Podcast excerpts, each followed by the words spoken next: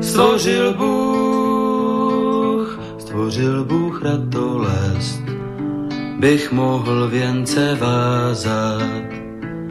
Děkuji, děkuji za bolest, jež učí mne se tázat. Děkuji za nezdar, jenž naučí mne píly. Bych mohl, bych mohl přinést dar, byť nezbývalo síly. Děkuji, děkuji, děkuji.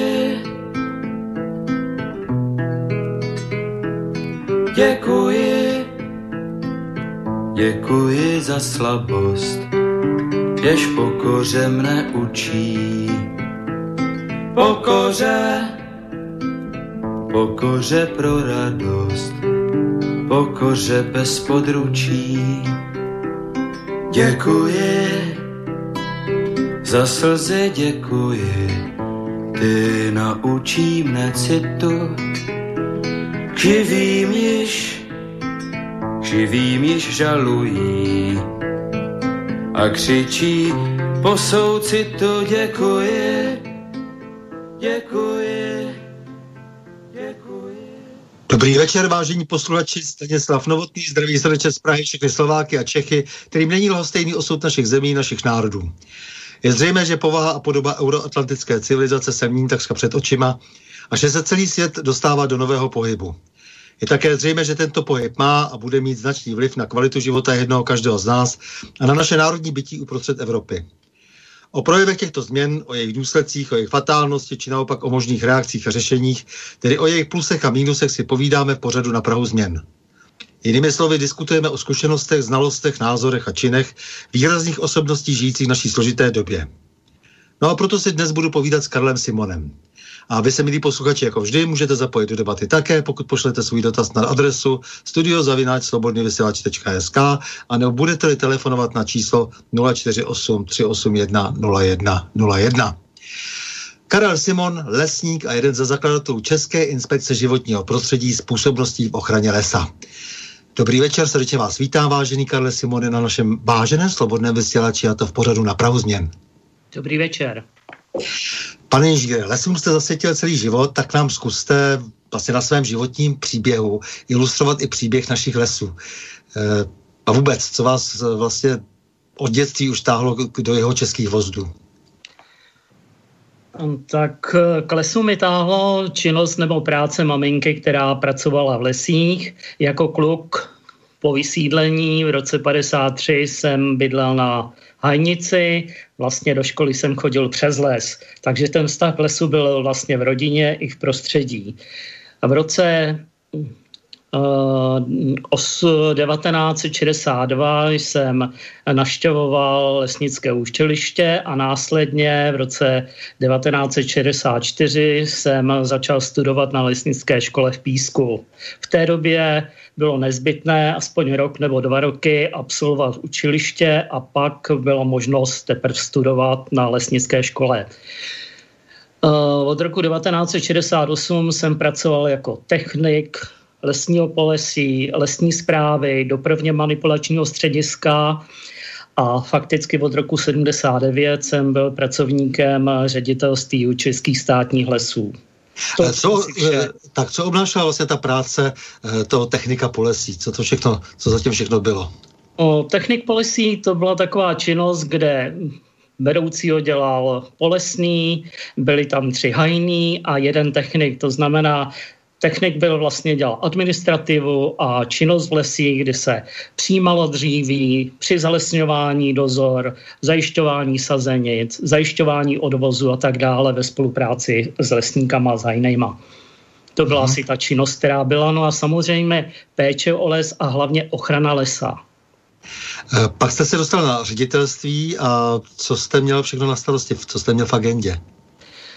No, po vlastně té praktické činnosti, kdy jsem eh, prošel, dá se říct, celým venkovním provozem, jsem se zabýval i ekonomikou, měl jsem na starost rozbory, hospodaření a tak dále, které byly v rámci jeho českých státních lesů.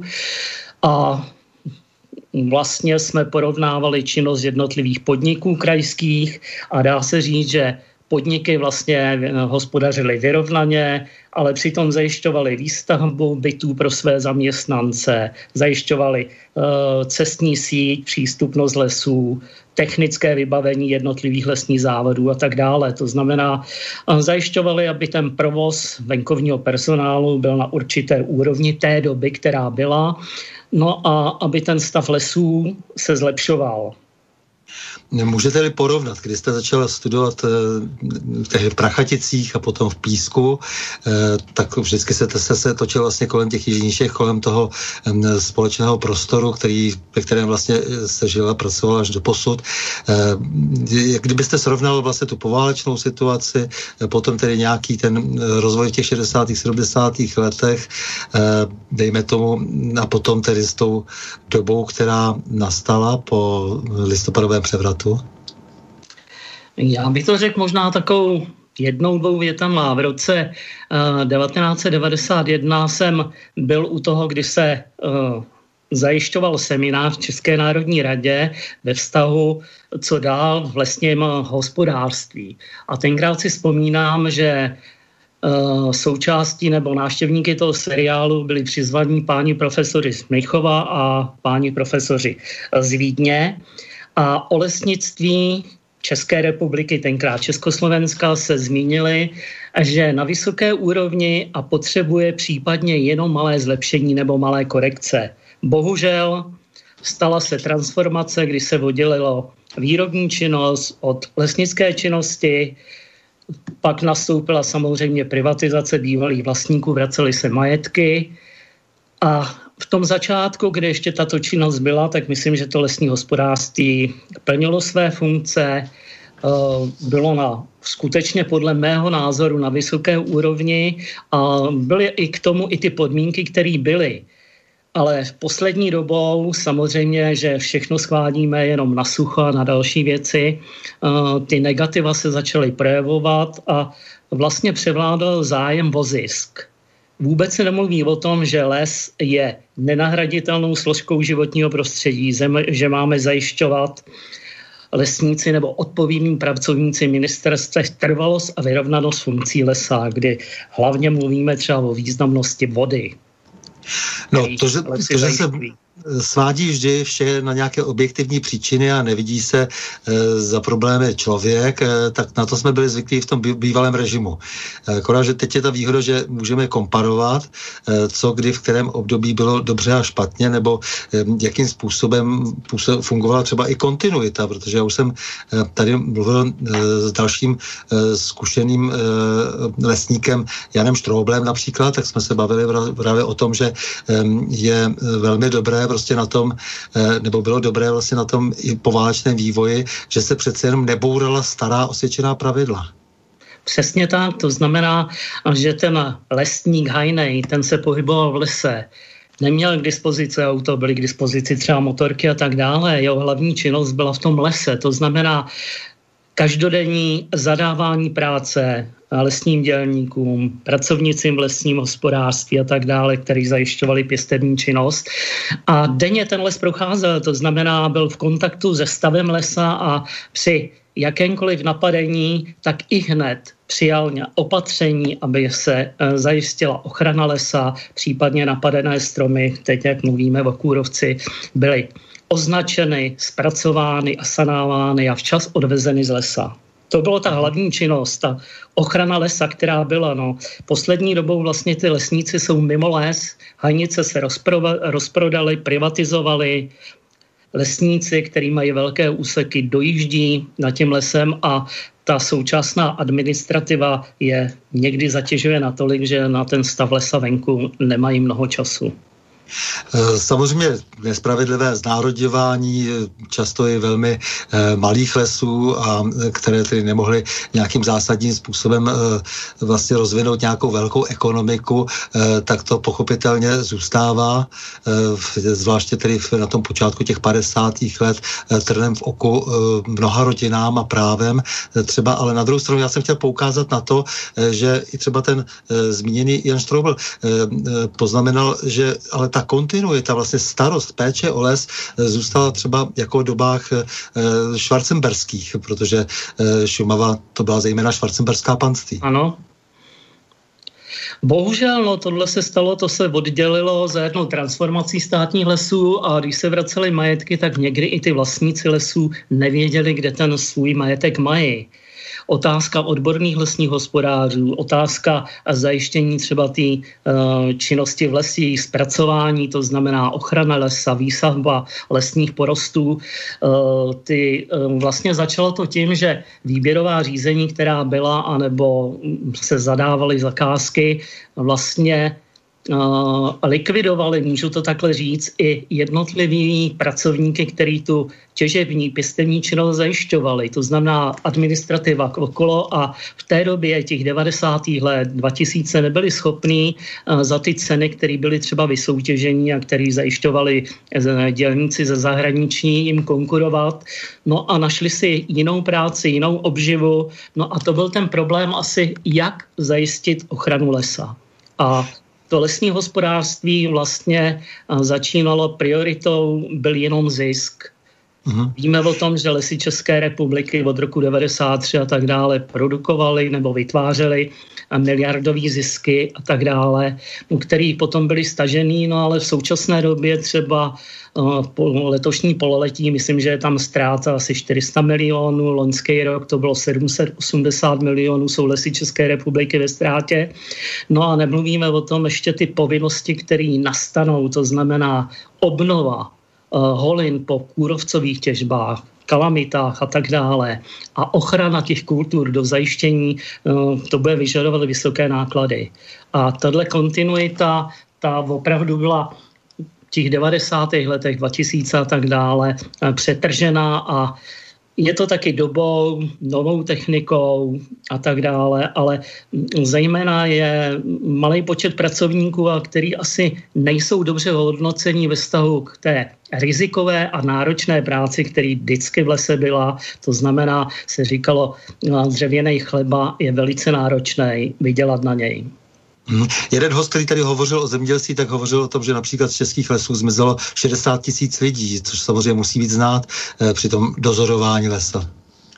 To je určitě zná, to znamená, já pamatuju, když jsem začínal na polesí jako technik, tak třeba lesník eh, měl 600-700 hektarů na starosti. Když přicházel na polesí, kdy byly porady, nebo přicházel s administrativou, když se ukončoval měsíc a tak dále, tak vždycky musel jít přes les to znamená, denně byl v kontaktu s tím lesem.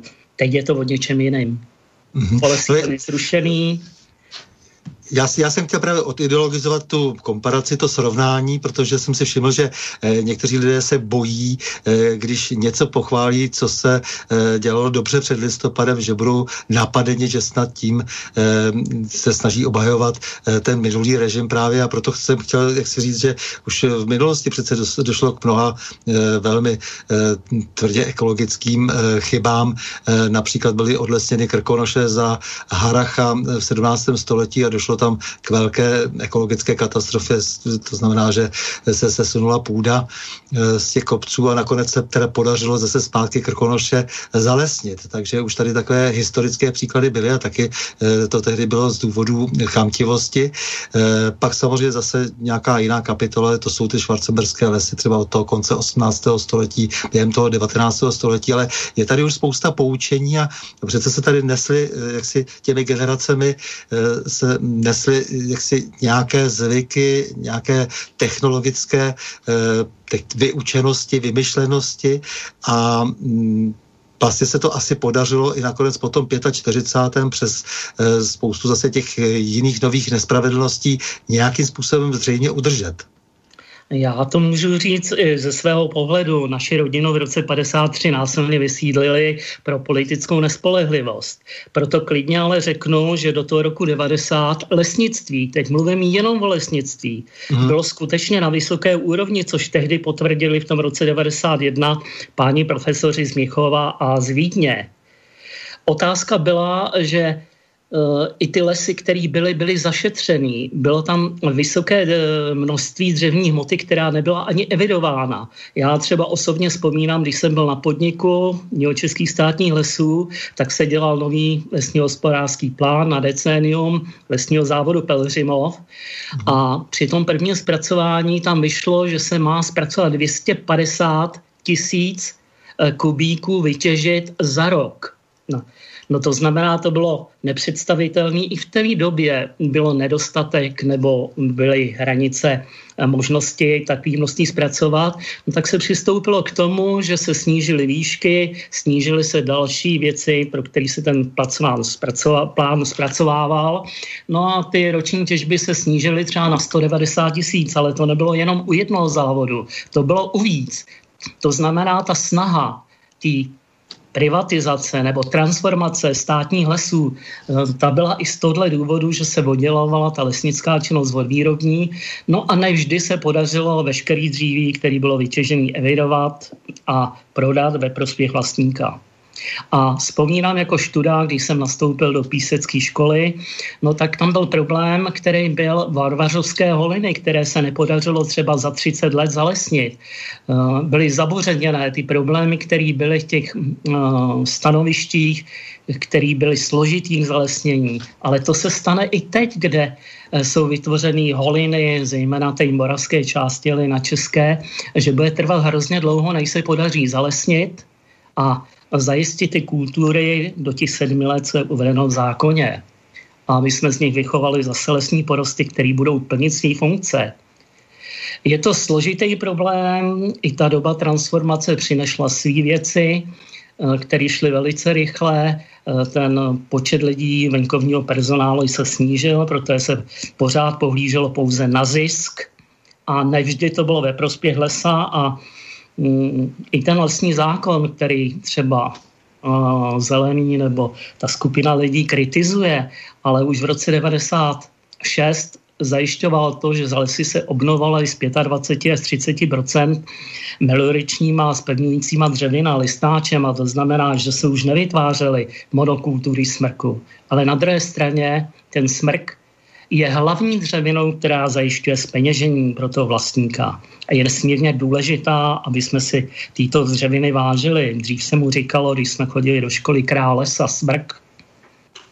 Mm-hmm.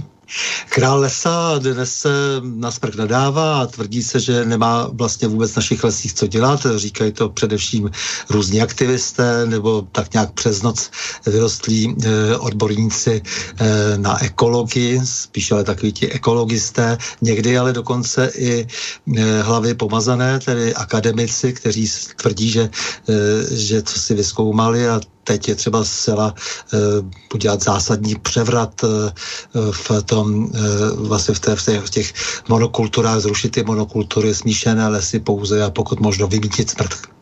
Ale je škoda, že těch pánů, který takto mluví, se nikdo nezeptal, kdo bude hradit ztráty vlastníkům lesa. Eh, rozpočet státu nemá na to, aby dotoval. Jenom v letošním roce se objevila zpráva, že soukromí vlastníci požadují více než 5 miliard dotací na zajištění a obnovu lesů. Je třeba si uvědomit, že to lesnictví není jenom ten ekologický pohled, ale ten ekologický pohled je dán něčím jiným, než pánové veterináři nebo geologové, který mluví do lesů, se takto vyjadřují. Ten musí tomu vlastníkovi zajišťovat aspoň, aby zajišťoval vyrovnanost hospodaření, jinak bude ztrátový. Jsou i hlasy, které mluví, že tyto názory jsou proto, aby se to v budoucnu státní lesy privatizovaly, nebo ty drobní vlastníci by je prodávali. Je to různý, jak to bude, co zatím stojí, ale ty názory nejsou fundovaný. Každý obor hospodaření musí mít přece ekonomický propočet. Nelze o to počítat s tím, že to bude stát jenom na dotacích státu. Teď víme jenom, kolik stát, jakou ztrátu má v současné době deficit. Já jsem tady v upoutálce slíbil, eh, že si budeme povídat o stavu českých lesů, ale zejména o ekologických katastrofách v Národním parku Šumava a celkem tom, celkovém tom vašem boji eh, s právě tou eh, lidskou omezeností a chamtivostí a politickou a úřednickou zvůlí. A takže bych ještě rád vlastně dotáhl ty, to, to povídání o vašich zkušenostech, o celém o tom vašem životním příběhu, protože bude potom poslouchat posluchači jasné, jaké jsou vaše zkušenosti, eh, vzdělání a jak si z jakého titulu to všechno říkáte. Protože vy jste v roce 91 ještě s nějakými dalšími svými kolegy eh, zpracoval eh, samotnou důvodovou zprávu k vyhlášení onoho tolik kontroverzního Národního parku Šumava. Ano, bylo to v roce 91. Jako pracovník České inspekce životního prostředí v ochraně lesa jsem byl na tři měsíce vyčleněn, kdy jsme s kolegami uh, projížděli Šumavu, zpracovávali jsme data, naštěvovali jsme tenkrát organizace, které tam hospodařily, jak vojenské lesy, tak státní lesy. A v té důvodové zprávě, která byla posuzována Českou národní radou pro vyhlášení Národního parku Šumava, bylo jednoznačně napsáno, že lesy Šumavy jsou jedny nejzachovalejších ekosystémů ve střední Evropě. Plíce střed, zelený plíce střední Evropy s ohromnýma zásobama dřevní hmoty. Osobně jsem se domníval, že vznikem a vyhlášení Národního parku dojde k snížení těžeb. Navrhovali jsme, aby byly přibližně 3 kubíky z hektaru, tak nějak se počítalo, kdy přírosty v současné době jsou více než 6, uh, 6 kubíků z hektaru za rok. Byly tam i jiné výhody. V té důvodové zprávě bylo, že dlouhou dobu, asi 40 let a tak dále, lesnické organizace, které tam byly, budou působit a postupně se to bude převádět na tento stav lesů, kdy zejména bude prioritou stav a význam lesa pro životní prostředí vodohospodářský význam lesa. V roce 1991, kdy se vyhlášil Národní park, tak to první vedení už v té době, asi v roce 91-92, uh, vyhlašovalo první bezzásahové zóny. Uh, Česká inspekce životního prostředí při svých kontrolách na to tenkrát upozorňovala. Šéf České inspekce životního prostředí v ochraně lesa inženýr Hořeší eh, dával tenkrát zprávu předsedovi vlády inženýr Klauzovi a tehdejší ministr životního prostředí František Benda, pak jsme se i zpřátelili, mohu říct, vyhlásil mimořádný stav a nařídil zpracovat eh, kůrovcovou kalamitu té době se zpracovalo okolo 20 tisíc kubíků uh, kůrovcové kalamity i v prvních zónách. Takže se podařilo zastavit kůrovcovou kalamitu na určitý čas. Bohužel pak se stalo, že lidé, kteří řídili Národní park a tak dále, a zejména to bylo po roku 2000, vlastně eh, našli si i velmi zajímavý biznis začínali rozšiřovat bezzásahových území s tím, že v těch zásahových sousedních územích bude prostor pro těžbu kůrovcového dříví, který prodávali, ale je zajímavý v tomto, že za ceny výrazně nižší, než byly v místě a čase obvyklé, než prodávali lesy České republiky vojenské lesy tehdy. Mm-hmm. To znamená, můžeme zatím hledat osobní zájem, možná i osobní obohacení.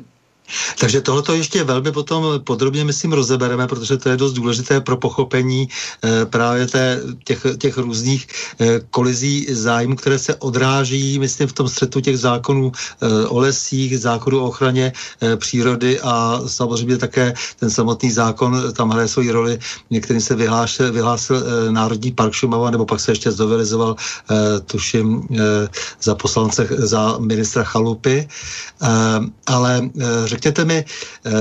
Jestli dovolíte, já doplním jedinou větu. Já v té době na konci asi uh, 2008, 2009 nebo možná 2010 a tak dále, už si nespomínám přesně na datum, jsem žádal ministerstvo životního prostředí, aby provedli kontrolu, za co se prodává kubí kůrovcového dříví, aby to porovnali, že to neodpovídá prodejům, který pr- byly realizovány lesama České republiky a vojenskýma lesama. Tenkrát ministerstvo mi odpovědělo, že kontroly neprovádí a provádět nebude. To mhm. jenom k tomu.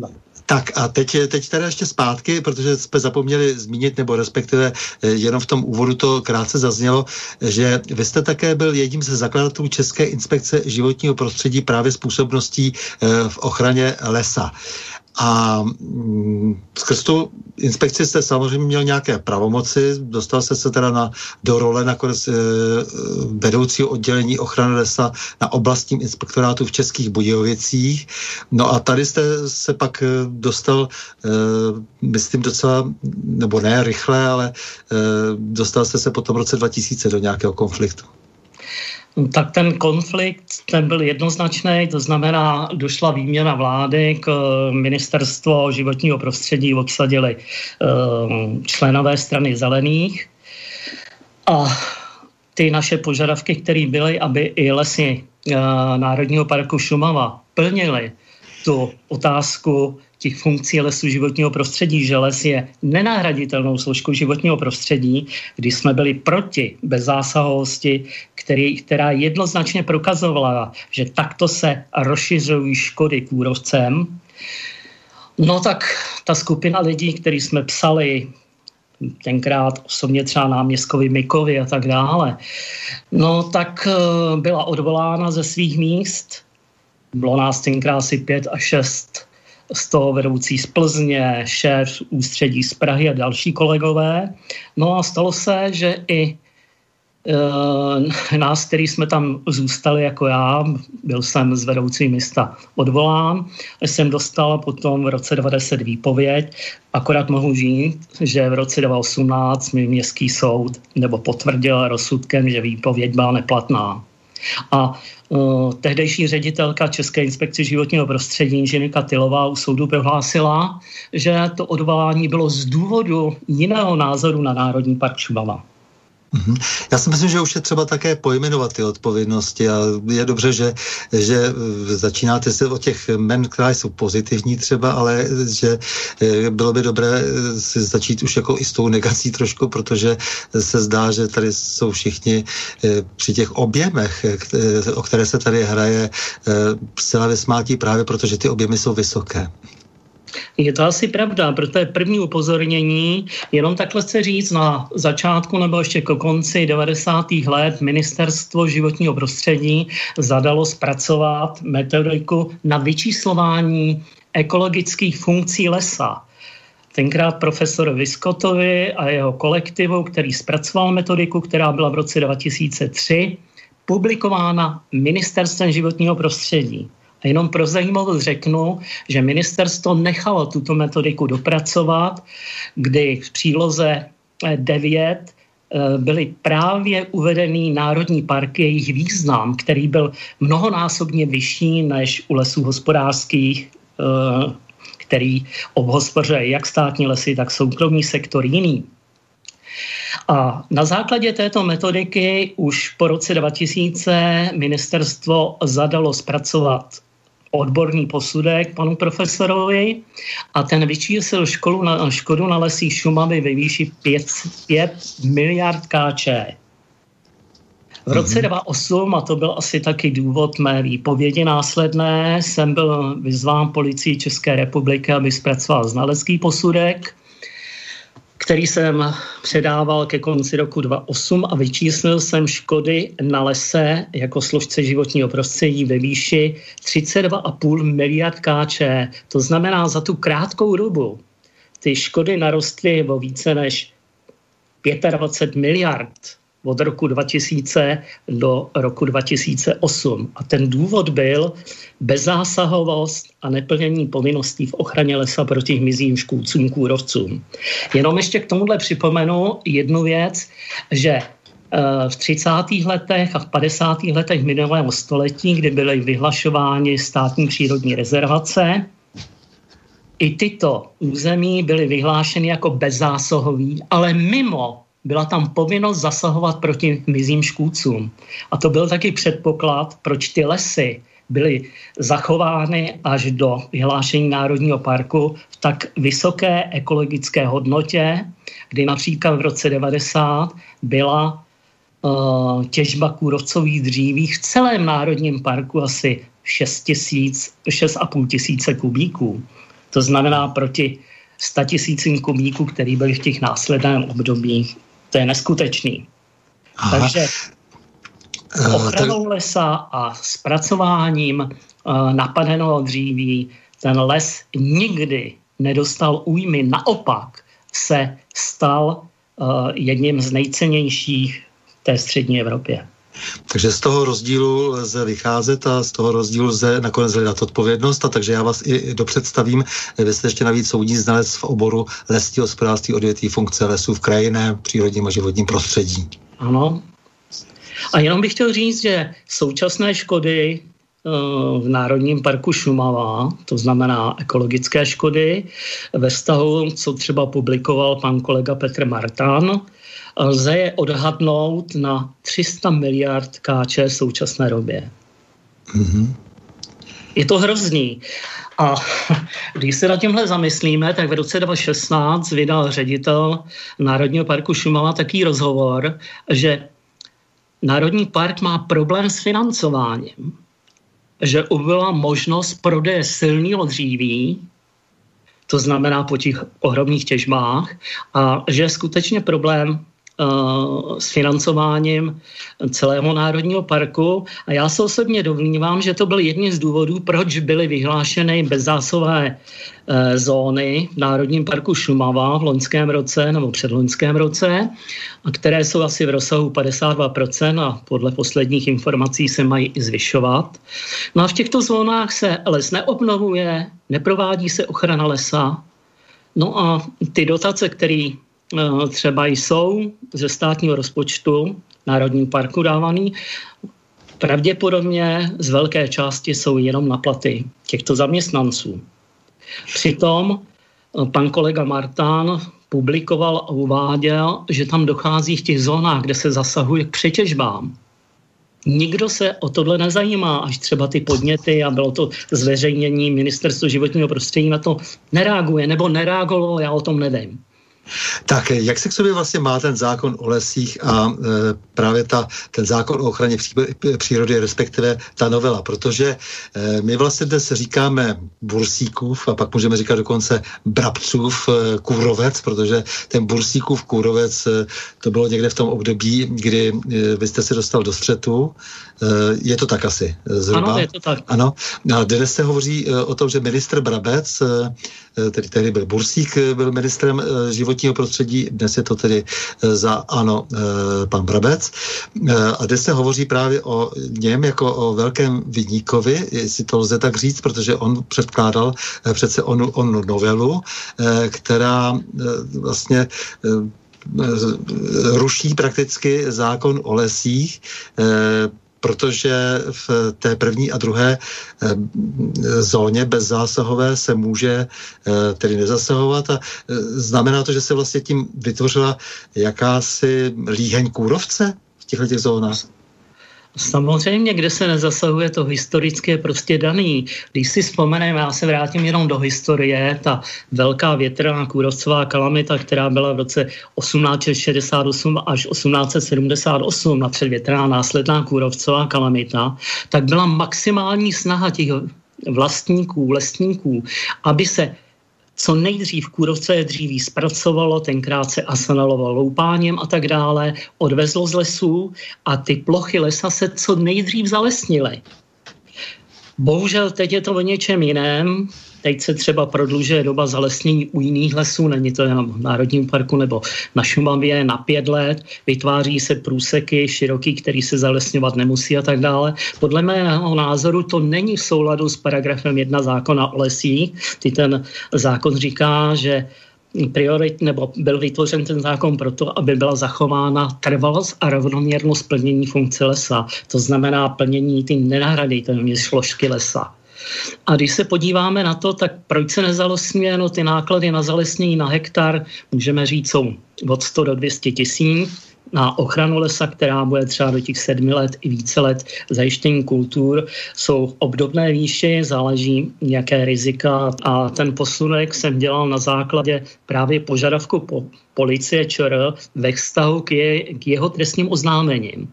A co jsem získal informace, tak právě trestní oznámení byla odložena a důvodem bylo, že ministerstvo životního prostředí prohlásilo, že ta metodika, podle kterého ten posudek byl zpracován, to znamená ta metodika pana profesora Viskota a kolektivu, potenciál funkcí lesa pro lesy národních parků není příslušná.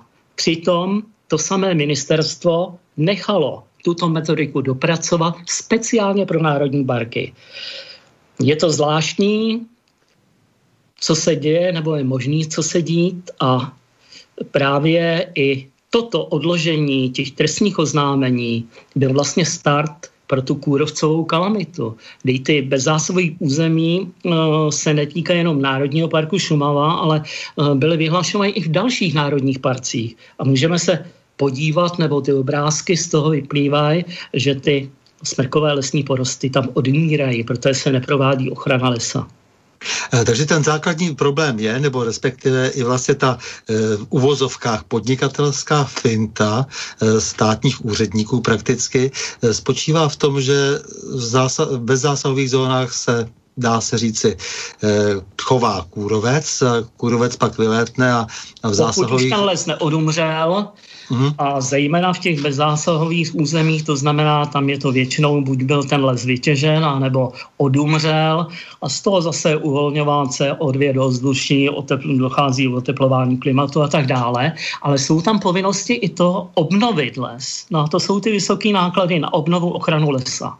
No ale pro posluchače prostě třeba ještě tu věc jako takhle by si jednoznačně pojmenovat, to znamená, že e, tou své volí, tou zvůlí úřednickou e, prakticky se podařilo podařilo rozmnožit kůrovce natolik, že eh, tady, tady dochází prostě té obrovské kalamitě, eh, která je velmi obtížně už potom normálně zvládnutelná a, a někdo samozřejmě eh, z toho má enormní zisky. A znamená to tedy, že jsme blízko jaksi uvažování o tom, že je tady docela dost asi lidí skorumpováno, protože zvláště když říkáte, že na té Šumavě se prodávali, prodávalo to dřevo pod cenu, tak se asi někde něco ještě zadotovalo, ne?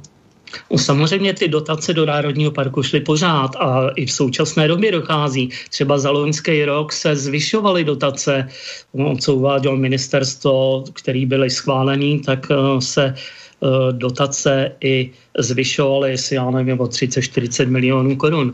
Ale vemme třeba uh, Lesy České republiky, výběrová řízení, kdy lesníci venku měli popsanou potřebu evidovaného kůrovce, no ale než se vysoutěžilo, tak ten kůrovec vlastně už to dříví opustil a uh, nalít na další lesní porosty, jestli státních lesů soukromí lesy. To znamená, nebyla včas prováděna ochrana lesa. Máte pocit, že e, i ta e, administrativní složitost e, slouží vědomě k tomu, aby se kůrovec nelikvidoval, protože by se snížily zisky firm, které jsou zainteresovány na jeho přemnožení?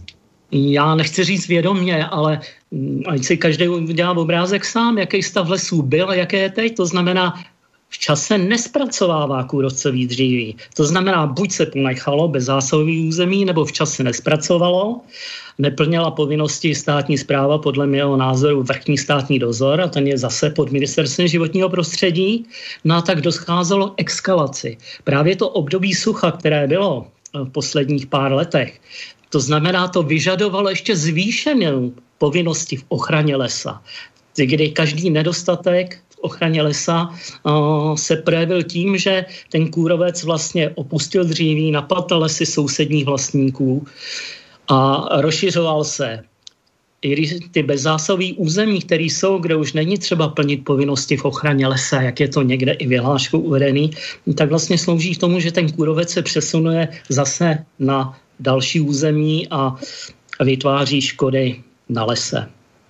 Já vím, že když jsme se o tom bavili s docentem Pokorným a nebo s tím Janem Štroubem třeba, tak eh, oba, oba pánové e, říkali, že eh, se kůrovec může dostávat opravdu do obrovských vzdáleností od toho původního místa, že dokonce se v Americe změřilo, že to bylo třeba i několik set snad kilometrů, ano. E, kdy jsou příznivé podmínky, že u nás větrný proudy, který je vynášen, ano, teplými proudy a tak. Takže, takže vlastně, že jak si to toto chování prostě vysoce nebezpečné minimálně může zakládat eh, samozřejmě nedbalostní eh, skutkovou podstatu, tedy nedbalostního trestného činu, ale eh, u těch cen tam je to tak frapantní, že si myslím, že může jít opravdu o úmyslný trestný čin. Můžeme se domnívat, všichni museli být, pokud se nedostaneme k informacím, ale je zajímavý, pokud to kůrovcový dříví se zpracuje včas, a v některých případech ano. No a prodává se třeba za 500 kč na kubík, nebo já nevím, za 800, no tak samozřejmě odběrateli ten ho přebírá za vyšší ceny mě a ty výrobky z toho dřeva, tam se nemění technické parametry dřeva. To akorát tuto pozdě zpracovaného, kde je to půl roku, rok a tak dále, tam se zhoršují technické parametry toho smrkové, tý, smrkového dřeva, ale kde je včas zpracovaný ne. To znamená, že ty ceny potom u toho odběratele a ten výnos jeho výrobků, tam jsou asi značný výnosy. Mm-hmm. Říká se tedy opravdu, dnes už je to téměř terminus technicus v kůrovec a v kůrovec.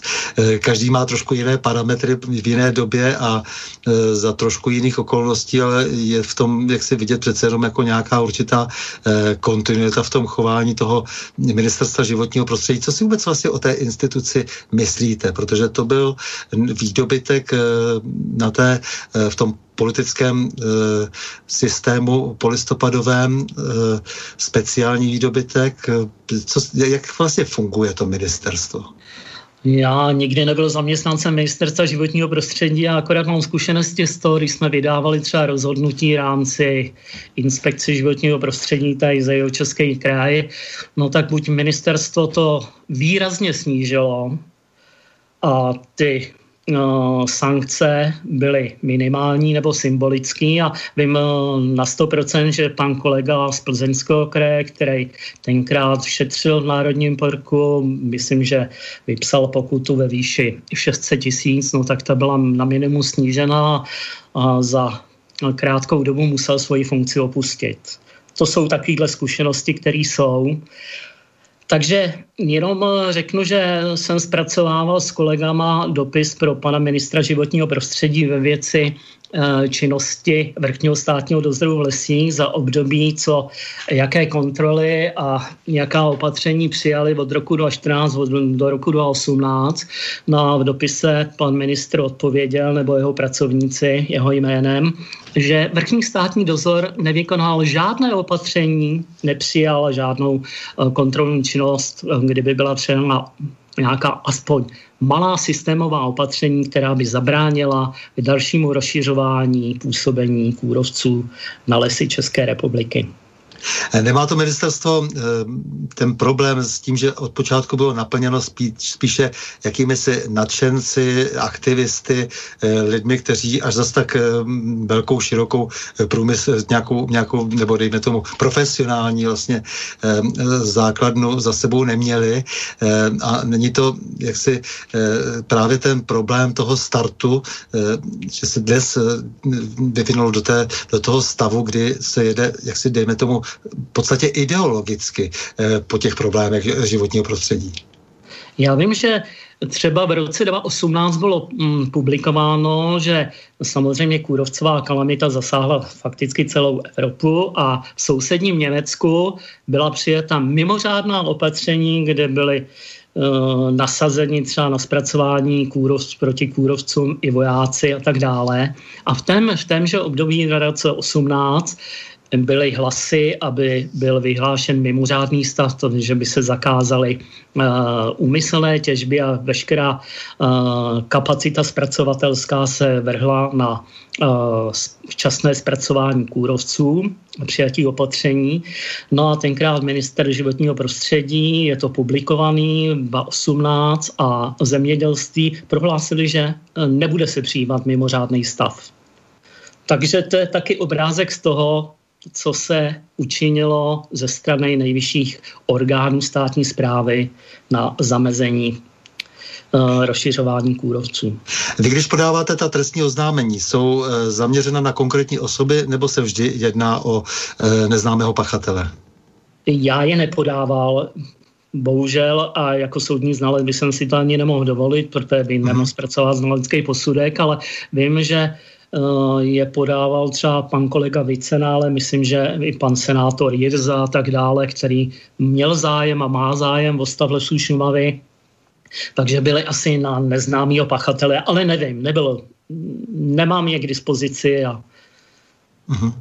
Dobře, protože samozřejmě je důležité už také začít pojmenovávat odpovědné osoby a eh, ne, aby to byla tady pouze politická odpovědnost, protože eh, na tom ministerstvo životního prostředí se zdá, že, eh, že si jak si jedou všichni v mnoha ohledech, nejenom tedy to, co to, co se týká lesů, eh, zcela po svém a eh, přitom se tady nabízí třeba v případě toho, tohoto ministerstva speciálně eh, velmi důležitá koordinace s ministerstvem zemědělství. Ano. Jak vlastně, jak to vlastně mají ta... zákona. Jestli ano. můžu rovnou do toho vstoupit, ano, ano. to znamená, vrchní státní dozor v lesí spadá pod ministerstvo životního prostředí, jeho kompetence jsou uvedeny, myslím, že v paragrafu 50 zákona o lesích a koordinuje činnost státní zprávy celý, to znamená státní zprávy lesů, která spadá pod ministerstvo zemědělství. A jak jsem před chvíli uváděl, pokud nic nečinil od roku 2014 do 2018, tak si uvědomně, jaký škody vznikly. Ty škody na lesích České republiky podle té metodiky pana profesora Viskota lze odhadnout na biliony korun.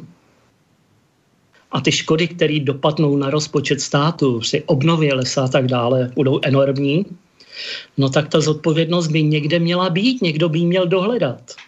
Ano, eh, protože zase se musím vrátit ještě k tomu Martinu Brusíkovi. Eh, kůrovec, jeho kůrovec prý sežral 10 tisíc hektarů na Šumavě.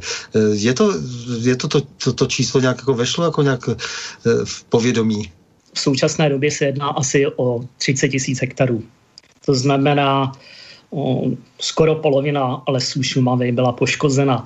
Byla výhoda nebo výhoda je v tom, že ty lesy lesníci zakládali tak, že to byly dvou a více etážové lesní porosty, že už tam byl přirozený nálet na části nebo na většině u většiny těchto lesních porostů. Takže ta, ten matečný porost buď odumřel nebo byl vytěžený a ta obnova, jež lesníky byla historicky zajištěna na značné části lesů Národního parku. Eh, zajímalo by mě, eh, jestli eh, nebylo výhodnější, když dřív vlastně ministerstvo zemědělství zahrnovalo také explicitně péči o lesy a vodní hospodářství, protože ty, ty oblasti od sebe nejdou oddělit. Určitě ne. Když vezmeme třeba jenom zase, eh, řeknu k tomu výzkum pana inženýra Šonky ve věci e, kalamity, která byla právě z těch v letech 1868 až 78, tak podle pana profesora Pfeffera se jednalo, že bylo takto poškozeno 11 000 hektarů. A v té době se zvýšily rozdíly minimální a maximální otoky byly o 20-30 eh, vyšší, to znamená období sucha byly nižší, o těch skoro 30, 20, 30% období dešťů a tak dále byly vyšší a měly vliv i na tehdejší preskou povodeň. A povodeň, která byla v roce 2002, právě ty odumřelý lesní porosty a ta snížená retenční schopnost lesů Národního parku Šumava se objevila zejména v té oblasti uh, Otavy. Ty škody, které byly, můžeme nějaké procento k tomu jednoznačně přičíst. Mhm.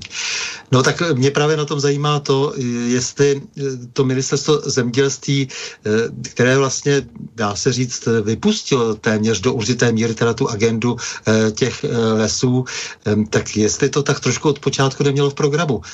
Eh, ono už u těch přístupových eh, rozhovorů se udělala obrovská spousta chyb, tedy myslím přístupových rozhovorů do Evropské unie. Eh, tak se mi zdá, že to byla taková také trochu své volnost.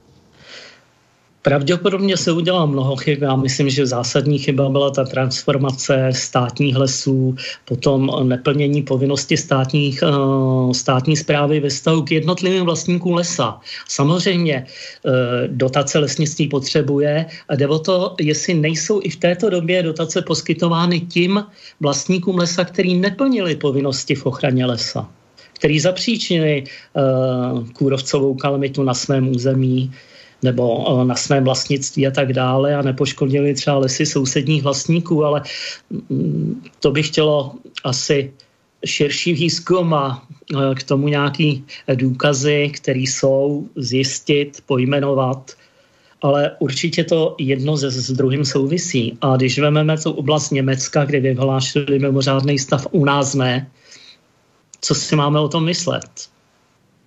Eh, máte nějakou zkušenost s tím, jak se chovají jednotliví vlastníci jako, jako celek, to znamená, eh, jsou tady vlastníci soukromí, jsou tady, eh, je tady církevní vlastník velký, jsou tu samozřejmě státní lesy. Jak se chová ten či onen vlastník? Máte pocit, že se tam dá najít něco typického pro toho vlastníka?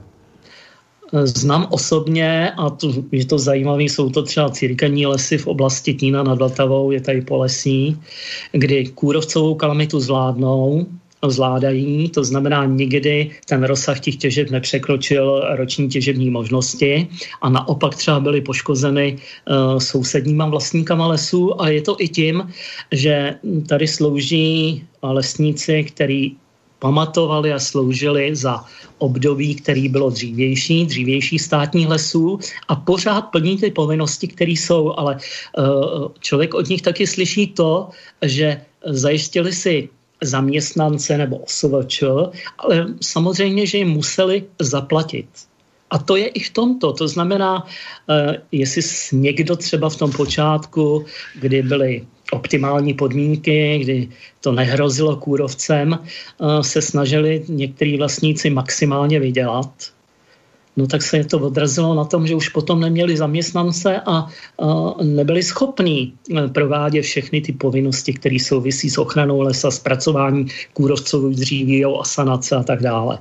Ono souvisí všechno se vším a kde teda ty lesníci postupují a mají možnosti uh, navázat na ty staré tradice s využitím samozřejmě moderních technologií, tak ten les je zachovaný. Znám lokality, na morských výškách 350 až 400 metrů, kdy ty smrkové porosty jsou zachované, protože nejsou napadený kůrovcem nebo se včas pracuje a naopak jsou tam porosty borovice, která usychá, ale ten smrk přežívá. A je to taky tím, že ten jeho kořenový systém převážně z 80% je v hloubce 1 až 10 cm, takže je schopen využít i ty minimální strážky, které v tom období sucha byly. A je to podle mého názoru zase v tom plnění povinností zákona. Zákon z roku 96, zákon o lesích, domnívám se, že je velice dobře zpracovaný a kdy ty vlastníci a lesníci ho dodržují, tak ty lesy se zachovají. No a ta nedávná novela zákona o ochranu přírody, eh, tak to, byl, to byla v podstatě podpásovka, ne? No, tam se rozšiřují právě ty bezzásahové území a já osobně se můžu domnívat ve vztahu k těm článkům, co bylo publikováno, že vlastně je to i z toho důvodu, že se ušetří peníze nebo se vkládat finanční prostředky, který stát dotuje eh, tyto národní parky do obnovy lesa, ochrany lesa a využijou se jenom na některé své vlastní činnosti zaměstnanců. Jenom eh, řeknu, že za tu dobu třeba toho Národního parku Šumama můžeme říct, že ty dotace tam byly přibližně ve výši 5 miliard KČ. A za tuto výši dotací tam vznikly škody přibližně ve výši 300 miliard. na lese nenahraditelné složce životního prostředí. Co, to znamená, stát dotuje škody na lesích. Přitom z toho zákona o lesích, z toho paragrafu 8 odstavce 2, je povinnost, je tam veřejný zájem na zlepšení ochraně životního prostředí. Tohle ale opravdu nejde dohromady. To by se pánové, páni ministři měli na tímhle zamyslet. Eh, podnikáte dál teď eh, nějaké systémové kroky. Vy jste totiž, to jsme ještě neřekli, že jste vlastně už ukončil uh, svůj pracovní poměr, uh, užíváte si už penzi a ukončil se pracovní Tento poměr. Tento vlastně měsíc jsem ho ukončil, ano. Tak, tak, ano. No, byl ukončen, tak. v té inspekci životního prostředí a uh, chystáte se dál pokračovat? Já mám pocit, že ano, ale zkuste nám jako nějaké... Je to otázka, jestli bude mít někdo zájem o nějakou zkušenost nebo k něčemu si odbornému vyjádřit, ale chtěl by říct, že s tím lesním hospodářským lesem souvisí ta ekonomika. Bez té to nejde dělat. To znamená eh, jenom spolejhat a právě ty vrcholové orgány, které z toho státního rozpočtu speněžná všech, které jsou de- a je to v deficitu, vlastně pořád vydávají dotace, ale e, nedozoruje se, jak jsou e, využívaný, jak je zachován les, aby plnil funkce lesa. A zejména u těch národních parků.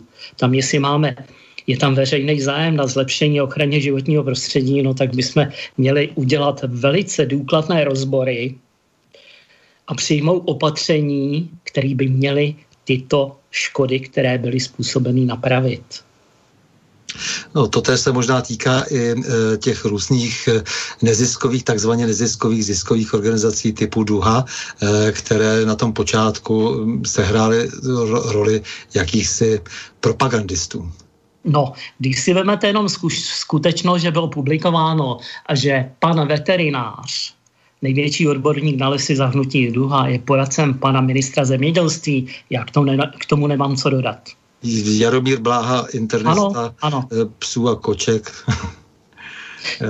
Co k tomu říct, no? Eh, Je tady tak... plno lesníků, právě jak jste mluvil, inženýr Štrob, vodohospodář, pan docent Pokorný, všechny je znám, jsou to vynikající odborníci, pan profesor Čermák, Simano a další a další, je jich mnoho. No tak řekně, eh, řekněte mi ještě něco k tomu akademickému světu, protože teď jste eh, jmenoval odborníky eh, na té straně rozumu, a, ale tady se prostě publikují a zveličují různé senzační vědecké závěry, které často nemají žádný vztah, žádnou zvláštní souvislost s reálnou přírodou. Tak co to je vlastně za, za, za způsob vlastně ohlupování veřejnosti? Ty, vy ty no. práce určitě, celou řadu těch prací určitě budete znát mnohem, mnohem samozřejmě no. lépe eh, než já. Já jsem, jsem si občas něco přečetl velmi povrchně, ale uh, řekněte nám něco o tom, uh, o tom dnešním akademickém světě. Čemu vlastně slouží v tom vašem oboru, v oboru, který důvěrně znáte? No, domnívám se, že i v dnešní době zejména lesnické vysoké školy by měly víc publikovat a mělo by se to zajímat, měly by se zajímat o stav lesa, o ten lesní zákon, jak je dodržovat, co bychom k tomu měli dělat. Ale řeknu jenom jeden příklad. Po roce 2008 nebo 2010 to bylo, myslím, paní doktorka nějaká publikovala, že z Národního parku a i z jiných zdrojů byly právě tyto akademici dotovány asi třema, čtyřma miliardama. Já se přiznám, že tyto jejich práce mnoho nečtu, ale jenom jedna mě zajímala a můžu ji znát jako pří, příklad. Lesy se obnovují vychřicemi a kůrovcem. Toto dotuje stát ze svých prostředků. Je tohle vůbec možný? No, teď se objevil na scéně pan profesor Flegr, biolog, který e, má pocit, že má také co říct ke koronaviru a ten dostal zase e, cenu, to je taková anticena Nobelovky, IG Nobel Prize e, a e, dostal tu cenu za zbytečný výzkum. Já nevím, já tyhle zkušenosti a podrobnosti neznám, tak se k tomu nebudu vyjadřovat. Stačí, co mám některé informace o stavu lesa, nebo jsem měl možnost, kdy třeba ta inspekce v těch 90. letech, i v tom počátku roku 2000, myslím, že plnila dobře funkci lesa. I teď jsou tam špičkoví pracovníci, ale je to otázka, že ten jednotlivý dozor nemůže nahradit systém, změny systému, který jsou No a okolo toho parku už tenkrát, když jsem ještě sloužil, dělal vedoucího, se přešlapovalo, nějak se tam nesmělo, nebo se případné sankce snižovaly na, na minimum. No a ty lidi, kteří vlastně něco podepsali nebo se vyjadřovali, že to není správný, tak se dostali na index. A myslím, že tohle funguje pořád. Mm-hmm.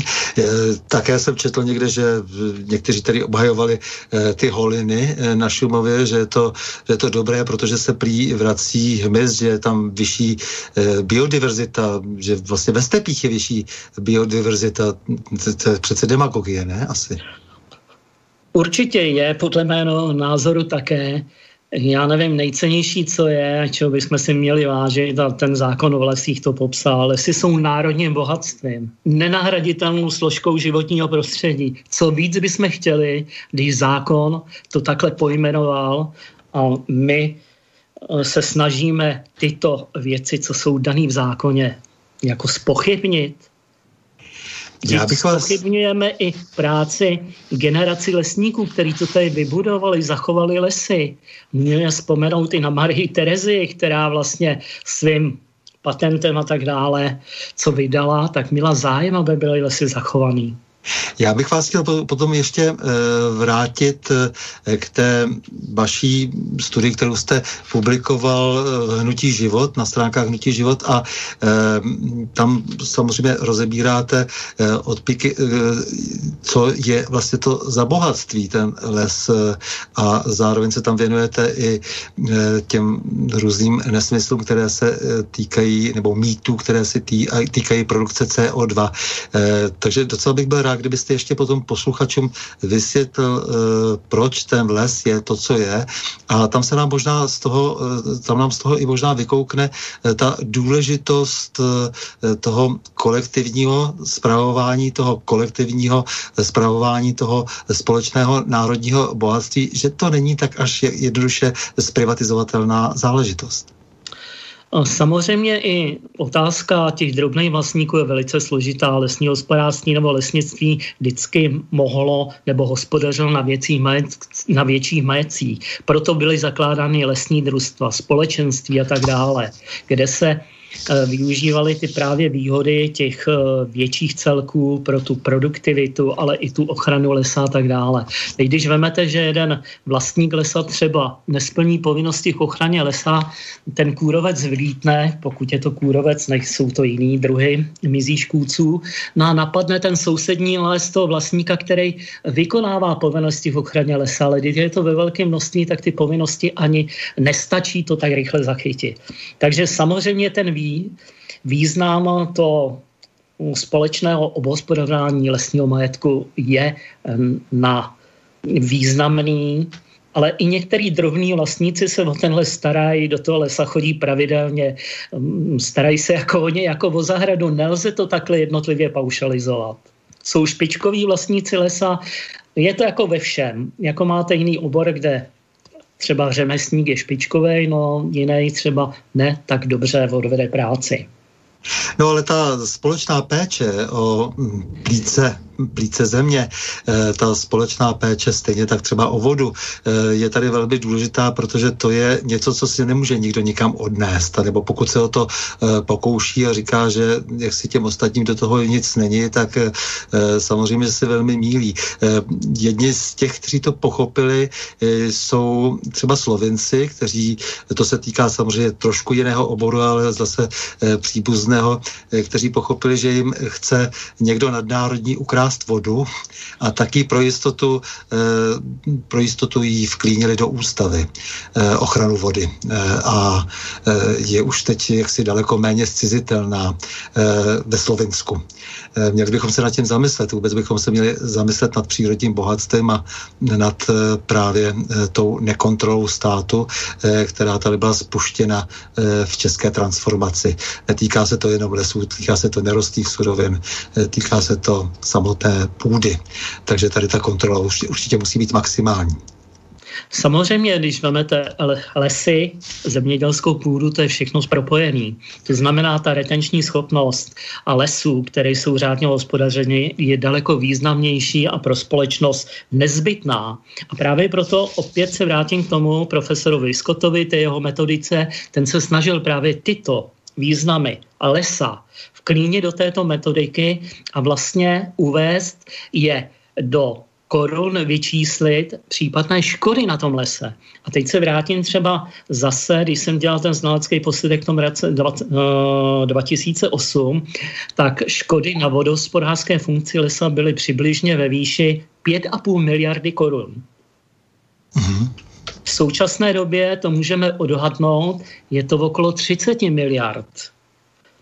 To znamená, eh, aby jsme to nějak pojmenovali, ta metodika je v tomhle významná a velice dobrá, jedna z nejlepších vůbec, která je, a jestli není jediná právě v, té, v Evropě, na takhle zpracovaná a tak to můžeme i v korunách pojmenovat, kdy řeknete v té době třeba 30, 30 miliard škod, to už je nějaká částka, je to i část eh, třeba státního rozpočtu. Současná škoda 300 miliard, to jsou ohromné peníze a ohromné škody na tom lese. Já tady jenom e, přečtu, protože to je spíš konstatace, to není otázka. E, tady nám poslal e, Milan jeden čet zdraví vás oba do studia. Bydlím na Českolipsku a v lese se pohybuji jako turista a značkař KČT, klub českých turistů, že eh, když vidím stav smrkových lesů, tak mi je do breku. Nedávno jsme eh, malovali turistické značení v okolí Kamenického Šenova a eh, Žandova a je to děsivý pohled. Jsou místa, kde se nenajde živý strom, na který se dá umístit značka. Za chvíli to dopadne tak, že kalamitní těžbou zmizí turistické značení a nebude ho na co malovat. O hrozbě kůrovcové kalamity odpovědní zaměstnanci museli dobře vědět a nic nedělali. Před několika lety o hrozbě eh, kalamita, kalamity hovořil Václav Cílek eh, v českém eh, rozhlase na dvojice. Odpovědní ministři a ředitelé státních lesů by už měli sedět za katrem. S poděkováním za výborný pořad Milan. Já to řeknu jinak. Měl jsem taky možnost za svý produktivní éry uh, absolvovat fakultu řízení na Vysoké škole ekonomické a všechny problémy, které jsou, vždycky jsou o toho vrcholového řízení. A staré přísloví říkalo, že ryba smrdí od hlavy. To znamená, veškeré tyto věci za ně jsou odpovědní vrcholoví odpovědní pracovníci. Vrchní státní dozor v lesích, státní zpráva lesů, která je, některá je funkční, některá je nefunkční a tak dále. A pak to jde až dolů, ale samozřejmě by měly být přijaty systémová opatření, která by nějak zastavili nebo omezili ty škody, které teď vznikají. Než ještě budeme pokračovat a já doufám, že nám ještě povíte hodně o funkci lesa, eh, protože je třeba si uvědomit, z čeho vycházejí potom naše úvahy a dejme tomu i představy o tom, jak by ty věci měly být eh, legislativně ošetřeny a jak by měly být kontrolovány a proč je to jaksi důležité eh, z hlediska jaksi toho našeho společenství, které žije v nějakých hranicích na nějakém území, hovoří tady nějakým jazykem a mělo by umět spolu komunikovat, tak jsem si říkal, že eh, si pustíme eh, mou vlast eh, od, z moje vlasti, tedy Vltavu, od Bedřicha Smetany, protože ta Vltava samozřejmě to je ta vaše klíčová řeka, jako každého milovníka Šumavy, to je samozřejmě a konec konců Smetanova Vltava je jakousi neoficiální hymnou Čechů A jenom chci konstatovat, že Smetana vlastně psal nebo napadly ho ty tóny v nádherném prostředí Čeňkovy pily. On jezdil na Čeňkovou pilu. To je vlastně ten, jsou to křemelné a vedry a vzniká z toho Otava, takže vlastně u Otavy psal Vltavu a, ale propůjčil vlastně svůj hlas Karel Gott té, té melodii a tak vzniklo spojení, spojení Gotovy, Vltavy a, a samozřejmě Smetanovi, Smetanovi hudby. Štajdl snad napsal ten text. Tak já bych byl rád, kdyby nám Boris Vltavu pustil, protože jestli chceme ještě dále vlastně snít ty své sny na, na, na vlnách, tedy té Vltavy, ty české touhy, tak samozřejmě ta Vltava pramení na Šumavě. A teď jste to říkal, že eh, ta retenční eh, vlastnost toho lesa je mimořádně důležitá, je to naše největší zásobárna vody a, a ta Vltava je se vším všady eh, naším symbolem, no tak mně se zdálo vhodné, že bychom si ji pustili a že prostě by bylo dobře, aby jsme si zpátky uvědomovali, že je důležité, aby, jak se to zpívá v té uznané hymně, hučily vody po lučinách. No a pak se vrátíme k tomu, že tedy nám taky ty eh, bory by měly nejenom na těch skalinách šumět.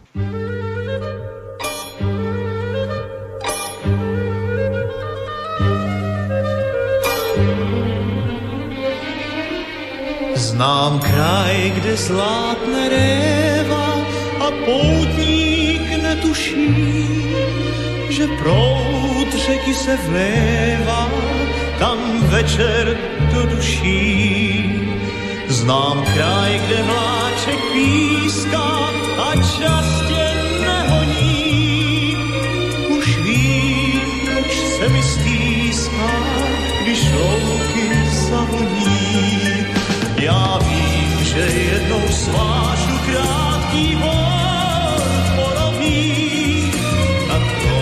sám už vrátí zpátky z to ví, kam, kdo to ví, zpátky k nám, zpátky k nám.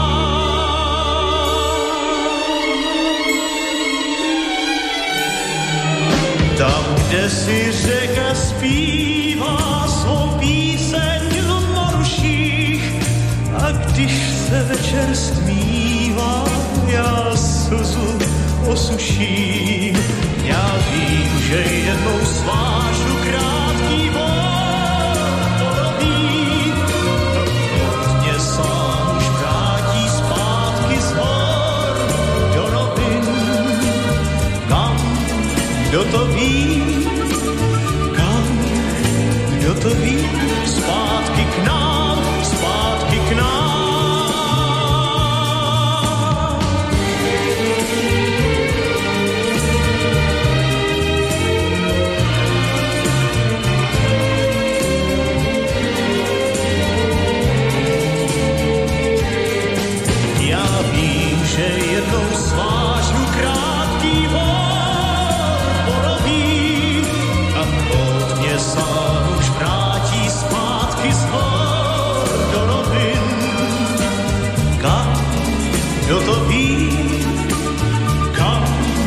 kdo to ví, zpátky k nám,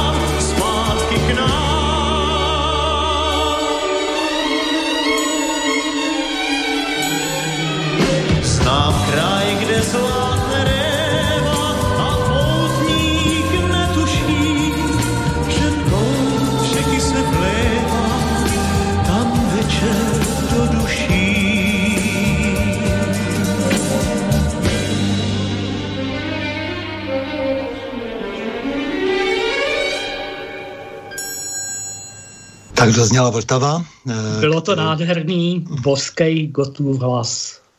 V obojí dohromady, jak si velký, nádherný. velký národní skladatel s hlasem Karla Gota. Eh, skvělá, fantastická kombinace. Tak eh, na Prahu změn s Karlem Simonem. Já bych chtěl, abyste se vrátil zpátky k tomu lesu, protože tady se udržuje spousta mýtů a je třeba s nimi bojovat. Například, jak je to tady s tím CO2 a lesy. No k tomu se dá říct jenom, že lesy a vlastně svojí fotosyntéznou životem vstřebávají nebo ukládají uhlík do dřeva nebo biomasy, nejenom do dřeva.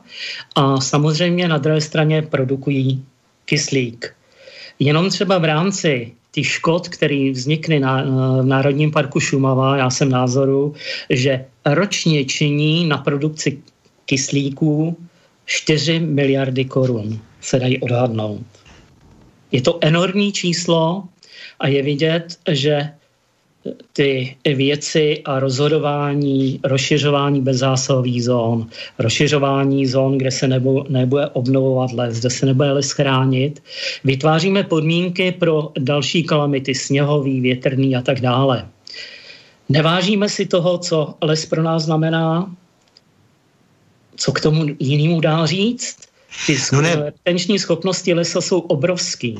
To znamená, když mluvíme les, který je plně zakmeněný, kde to plný zakmení je 10 i více, tak eh, třetina třeba srážek se odpaří, odpaří třetina se vsákne, třetina odteče, eh, u holí půdy většina buď se vypaří nebo odteče, ale ten les dokáže tuto vláhu zadržet a postupně uvolňovat. Proto třeba ta Vltava teče, má taky nádherný zvuky v těch horních částech. Proto si to vážíme a naopak zase, když přijdou povodně, tak ty lesy opět dokážou snížit ty škody, které z těch povodní vznikají. Mně šlo jenom o to, že ty eh, stoupenci, kde ty Thunbergové, eh, kdyby lidi vzali eh, rýč a šli vysazovat stromy a vedle toho udělali všechno pro to, aby byly stromy lépe chráněny, aby byly lesy lépe chráněny, aby ty zelené plíce byly lépe chráněny, no tak eh, to by dávalo smysl, ale e, pokřikovat jenom na náměstí a ještě navíc opakovat e, pavědecké nedokazatelnosti, tak to nás asi daleko neposune. A... Zase se prosím vás k tomu vrátím. I toto, když zalesníme a tak dále, tak musíme mít na to finanční prostředky. Proto každý ten jednotlivý, jednotlivé eh, specifika hospodářský státu eh, musí být založeno na té ekonomice, na zdroji financování. Založit lesy je bezvadný, musíme je nějak obhospodařovat, musíme k tomu mít potenciál, nějaký lidský a tak dále, ale e, musíme k tomu mít i v tom počátku finance, třeba lesy aspoň historicky, když jsme studovali, říkali, do 40 let věku lesa, lesního porostu se vkládají náklady. Až po 40 letech můžeme z toho lesa něco získat. No a mhm. pokud ty porosty odumřou, no tak nezískáme nic, jenom by ty náklady do toho jsme vkládali. Měli bychom si to uvědomit, ta kontinuita, ta provázanost těch ekologických funkcí lesa, nenahraditelné složky životního prostředí, ale i ten ekonomický význam spolu plně souvisí. Nemůžeme mít všechno ze všeho. Tak eh, ještě ty další funkce lesa, protože si to možná lidé neuvědomují a je, je třeba je to třeba půdochranná funkce proti erozní, to znamená ty problémy, které nastanou teď v těch ohromných holinách při velkých deštích, eh, dochází ke splachu hrabanky tak dále, další erozi půdy a to znamená tu nejcennější horní část, tu humusovou nebo tu bohatou část, vlastně to odnese a ta obnova lesa no, ten význam lesa, i když ho obnovíme, tak ty přírůsty nebudou takový, jako by to bylo, eh, kdyby ten les byl zachován a plynule se obnovoval. Vy jste hovořil o té ekonomice. Eh, jaký eh, les, nebo jak se musí les obhospodařovat, tak aby byl ziskový a zároveň plnil všechny ty funkce, o kterých tady hovoříte? Co je třeba pro to udělat, protože vy sám, kde si píšete, že tedy jsou, že lesy byly ziskové a přitom, že jste se o ně starali s péčí dobrého hospodáře, co by všechno bylo pro to potřeba udělat? Jaké by byly náklady? Ty náklady teď na tu obnovu lesa budou asi enormní, budou vysoký. Jenom řeknu, že ty soukromní vlastníci, kteří publikovali v letošním roce, že budou vyžadovat 5 miliard. Teď je otázka, jaký rozsah soukromých vlastníků a to, o to žádá. To znamená, a to je jenom třeba na tu obnovu lesa, ale potom na tu ochranu lesa, výchovu lesa, lesních porostů, aby třeba byly odolnější proti sněhu, větru a tak dále. Eh, je to složitější problém, ale ty lesy vlastně pro každý ten lesní majetek je zpracován lesní hospodářský plán nebo lesní hospodářská evidence nebo která zajišťuje na těch deset let, je tam doba obmítí, doba povinnosti obnovy, doma výchovy a s tím odborným lesním hospodářem vlastně tomu vlastníkovi uh, ho vedou, jak by se měl o ten les starat. Ideální je částečně je smíšený les, kdy tam máme zastoupení těch miliardní zpevňujících dřevin a samozřejmě tam máme dřeviny, který přináší zisk, efekt. Je to smrk, může to být i jiná dřevina. V některých oblastech jsou to borovice, někde douglaska, i bukový hospodářství a tak dále, buk, ale musí to být vždycky eh, vyrovnaný a vhodný pro to dané stanoviště. To znamená, musí tam být práce a musí to být na odborné lesnické úrovni ohospodařovaný. Eh, pánové také hovořili eh, z vaší branže o různověkosti stromů, že eh, se vlastně začíná být problém s tím, že máme příliš mladé stromy a ty, ty staré, které přežily všechna možná úskalí, to znamená, jsou geneticky dobře vybaveny, tak že mizí. Ano, to jsou právě v téhle době, když vezmete, že třeba v roce 2010 byla si těžba v okolo 15 milionů a loni bylo publikováno, že se vytěžilo již 32 milionů kubíků dřeva. To znamená, podle mýho názoru tyto údaje ukazují, že se sahá do podstaty lesa, že dochází k těžbě zejména těch starých lesních porostů, eh, kde, který zajišťují speněžení tím vlastníkům nebo se zpracovává kůrovcová kalamita, nebo někde to usychá. No a i když se to obnovuje, tak právě začínají ty mladé lesy, který, do kterých se musí jenom vkládat. A tenhle problém se projeví pro příští generaci. To bude za 10, za 20 let.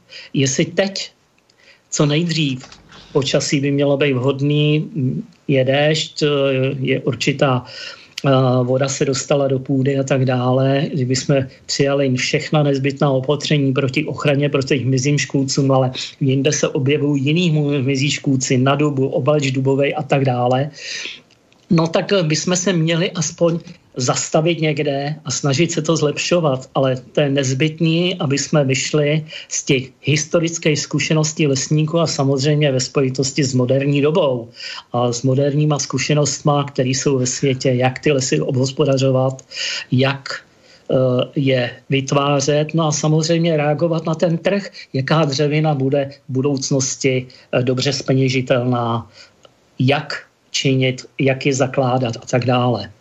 Ale eh, ty názory, které jsou, že boj proti smrku, co zatím, jak to budeme financovat, to myslím, že je velice cestný a neodborný. Přitom se zdá, že letos jsme dostali jakoby jakýsi rok oddechu díky tomu, že e, konečně pršelo po mnoha letech, e, tak e, by se v klidu dali připravit nějaké koncepce, ale ono to vypadá, že spíš si všichni oddechli, že katastrofální sucho se nekoná zatím a že tedy se nemusí dělat nic.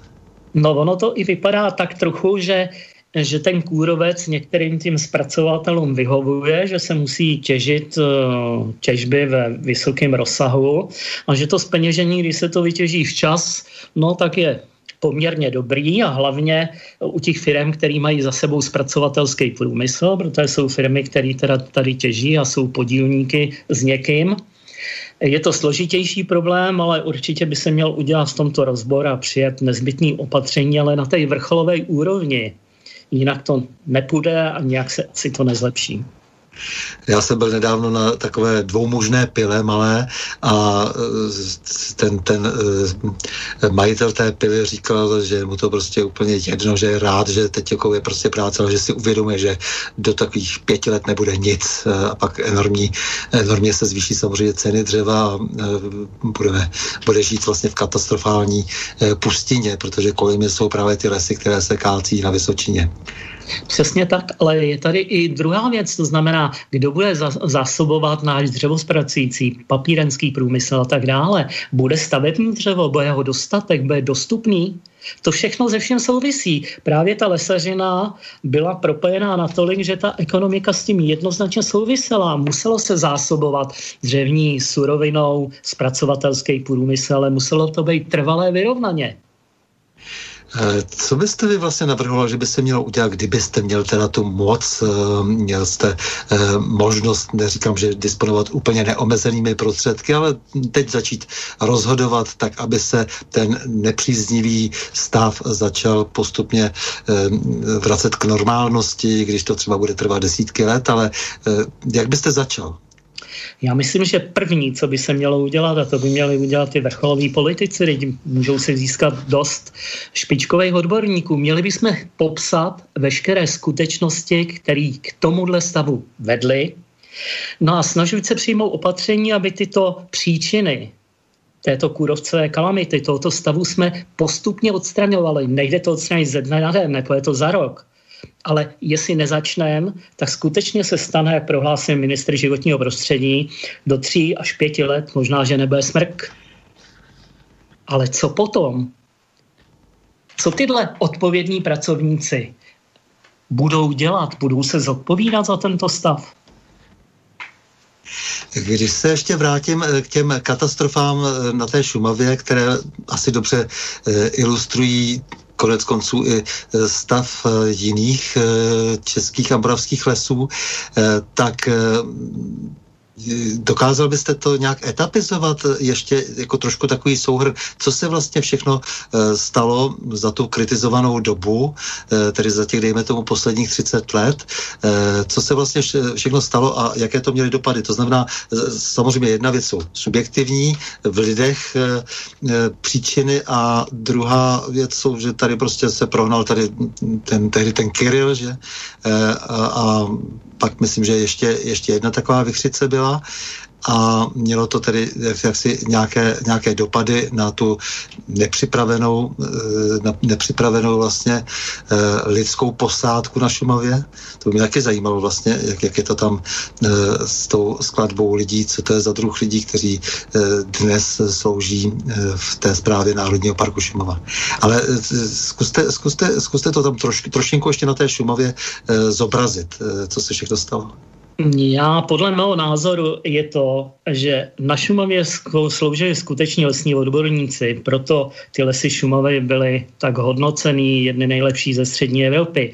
Ohromný zásoby dřeva, ohromný zásoby re- rezonančního dříví, ohromný zásoby první jakosti dříví, to znamená uh, vysoké kvality, vysoké speněžení.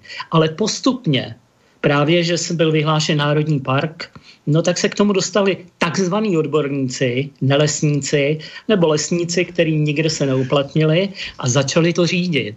Když jim něco nešlo, tak vyhlásili bezzásový území. To území, když se vrátím zase k tím cenám, které byly, jestli to byl dobře vymyšlený biznis a tak dále. V období, kdy byly eh, vysoký dotace od státu, kdy ročně se třeba dotovalo, dotoval Národní park eh, třema až 350 milionám korun ročně a přitom tam prováděly se těžby. Omezovala se eh, činnost ochrany lesa, omezovala se činnost obnovy lesa, jak jsem se zmiňoval třeba o tom rozhodnutí ministerstva životního prostředí, kdy se odkládalo zanesení na 30 let a tak dále. A postupně vlastně ty lesní odborníci buď odešli, nebo byli vyměněni. No a ty lidi, kteří se o to starali, já se domnívám, že nemají zájem, aby plnili především ten stavem veřejný zájem na zlepšení a ochraně životního prostředí, jak je uvedený v zákoně. Že ten jejich zájem, a potvrzuje to i ten publikační článek, ten rozhovor s ředitelem Národního parku z roku 2016, kdy měli hlavní starost o vlastně zajištění financování, ale té skupiny lidí, která tam bude skupina lidí, která je vlastně podporuje, vytváří takzvané odborné vědecké materiály, které jim dávají za pravdu. Ale ono je to všechno jinak. Proč si nesedneme a neřekneme si, ano, stav lesa, k tomu vyhlášení Národního parku byl takový. Jaký je stav lesa teď? Já se domnívám, že ten odhad těch 300 miliard jenom na té složce životního prostředí, nenahradit na složce životního prostředí, ale k tomu musíme připočítat miliardy škod na dřevě a tak dále. Lesy třeba sami prohlásili, že v lesních národních parcích se dělají výběrová řízení, na hospodaří se tam technikou, harvesterama a tak dále, jak je to u hospodářských lesů. Na druhé straně lesníky kritizují za cokoliv, že udělají něco špatně, ale že by se tam hospodařil způsobem, který je lesy blízký, jako to bylo kdysi. Samozřejmě ten pokrok a ten jde tak rychle dopředu, ale jsou techniky, které e, to poškození lesa je tam minimální. A s tím, že se les neobnovuje v těch zónách bez zásahu, že se e, nezalesní holiny e, v těch článcích, kdy se můžeme podívat, jak to vypadá, v některých oblastech se ukazují jenom ty lesní porosty, kde už byl dříve, než ty porosty odumřely, ten podrost, kde tam byla přirozená obnova, ale se obnovoval sám, tak to lesnicky bylo při, připraveno. Mám svého spolužáka, kterým byl třeba na Boubíně, a ten obnovoval lesy, ale přitom za rok třeba jenom uměle zalesnil hektar a půl, což bylo, já nevím, procento, mizová část toho. Všechno se to dělalo přirozenou obnovou. Výchova nebo obnovou obmítních porostů, které se připravovaly na tu obnovu, aby byla zajištěna. To jsou všechny věci, pokud nezačne se to obhospodařovat nebo lesnicky chránit a ten les pěstovat, a jak to dělali ty přeci, no tak asi budeme pořád ty bezzásahové zóny zvětšovat, jako teď ministerstvo prohlásilo, že se připravuje na rozloze 70% parku, to znamená i na té čtvrtině, která teď ještě se uh, tam hospodaří, ale hospodaří, že se jenom těží, to znamená zajišťuje se financování pro to ústředí Národního parku, pro chod toho, ale ne pro les. No, aby se ta eh, vlastně Eh, tahle ta zvrácenost eh, bez břeha, aby se zvrátila eh, opačně, tak musí fungovat nějaké sankce, nebo musí tady být alespoň hrozba sankcemi. A tady, jak jste říkal, padla řada trestních oznámení a ta trestní oznámení byla snad všechna...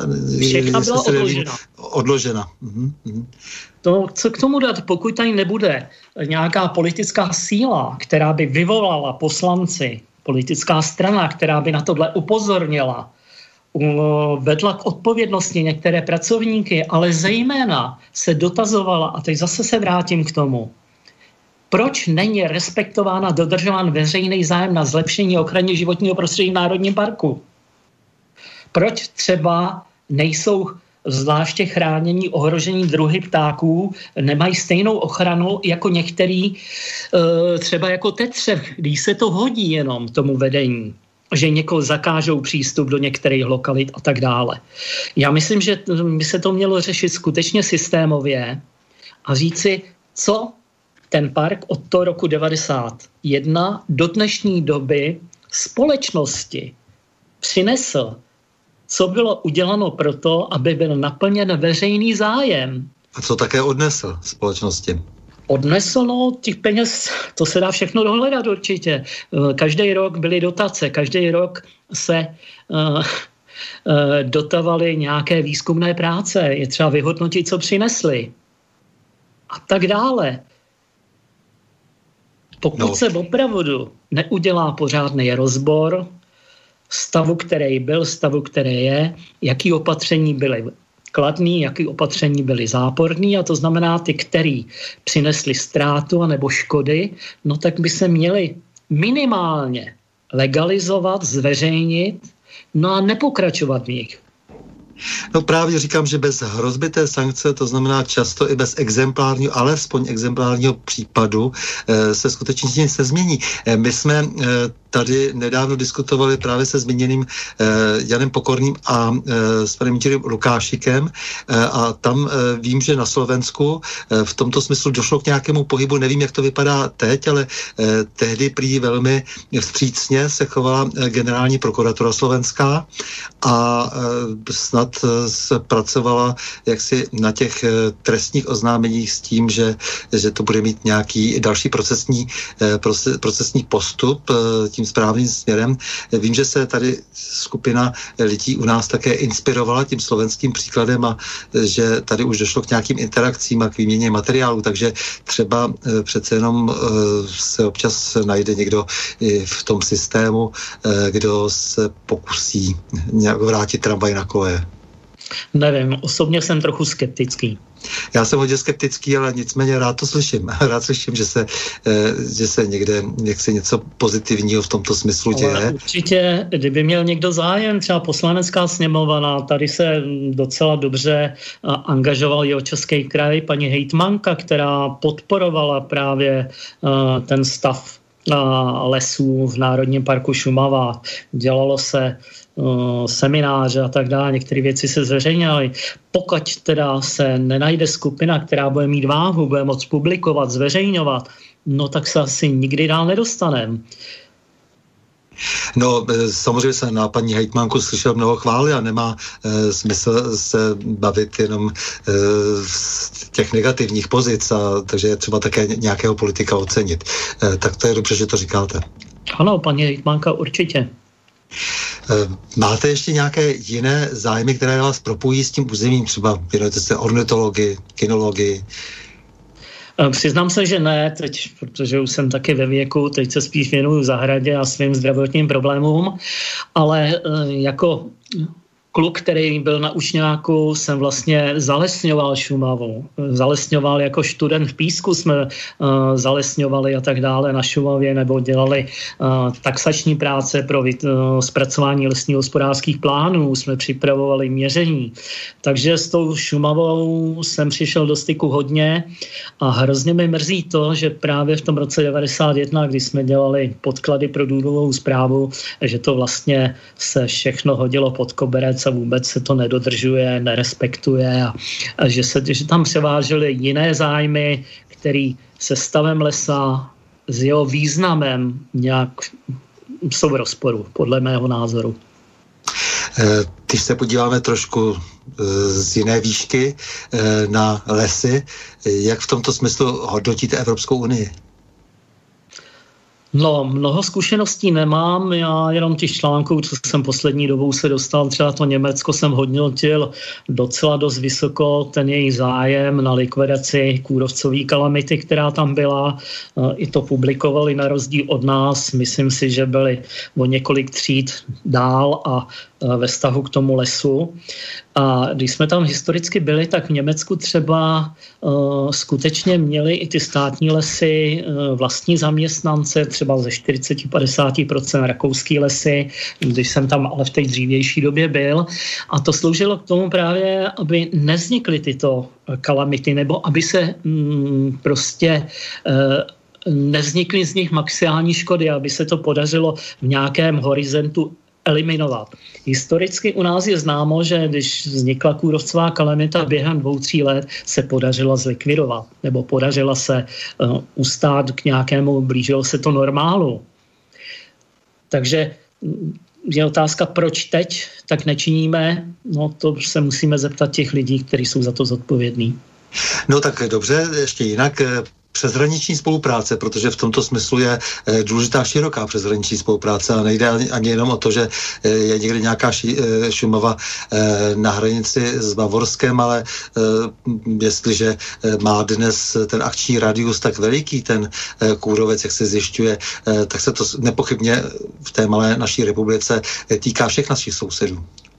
Samozřejmě ty problémy tady byly, byly, já nevím, připomínky nebo oznámení rakouských vlastníků lesa, že z Národního parku Šumava se tam dostává kůrovec k ním, ale když se vrátíme k bavorským lesu, jejich Národnímu parku, no tak ta jejich rozloha je asi třetinová nebo čtvrtinová než našeho. Uh, jsou tam jiné podmínky, to znamená, jsou tam spíš jižní strany uh, expozice, kde zejména je značná část buku a tak dále. U nás jsou to ty severnější expozice, kde byl historicky smrk, a ten problém, který třeba mm, s kůrovcem nastal v 80. letech koncem, tak to znamená, z německé strany jsem přelítával kůrovec zejména na tu oblast eh, mokrůvek, malá velká mokrůvka, kde dokázalo uh, k vysokým těžbám, holinám. No a uh, ta spolupráce parků je asi na nějaké úrovni, ale já zase takový skutečně informace nemám, aby jsem se k tomu fundovaně mohl vyjádřit, ale myslím si, že ani naši odpovědní pracovníci v parku Šumava si neberou příklad z parku Bavorský les.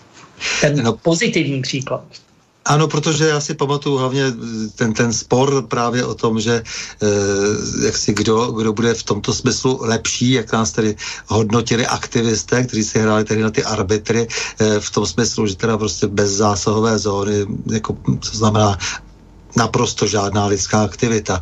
Na, tom bavorsk, na té bavorské straně, eh, nebo tu bavorskou stranu dávali vždycky za příklad.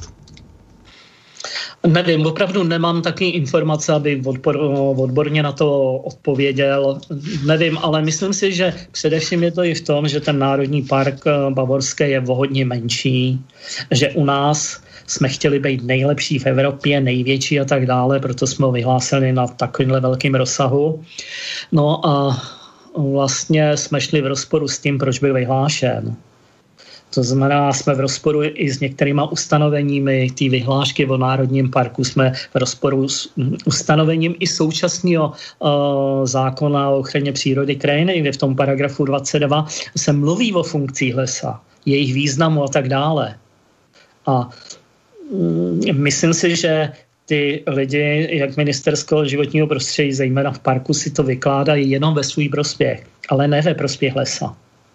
No ministr Brabec ještě dluží dokonce i vydání jakýchsi zásad, ne? Nebo je to tak pro hospodaření? Myslím, že eh, plán péče nebyl vůbec dodělán a ty mm-hmm. proto taky byl ten soudní spor, a, který ještě není ukončen v něčem a eh, vyhlásili zóny, aniž tohle byl zpracovaný plán péče.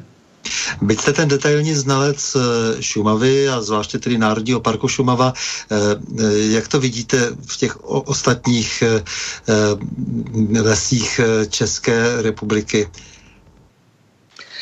No, v ostatních lesích já to pokusím se před, mm, zhodnotit v korunách. Jsou to bilionové škody zase na té složce ekologické lesa nenahraditelné. To znamená, jedná se o tisíce, já nevím, neřeknu stovky, ale tisíce hektarů holin, které budou.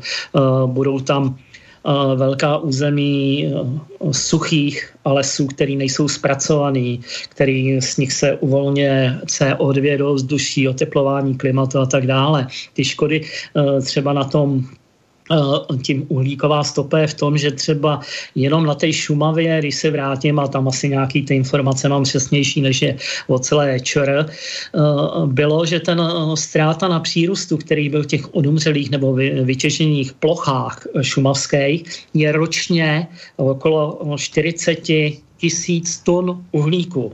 To znamená, nemohl se akumulovat Eh, v těch porostech, nebo který kdyby zůstaly, tak na tom přírůstu by se ten uhlík akumuloval, nebo v té biomase uh, lesních stromů.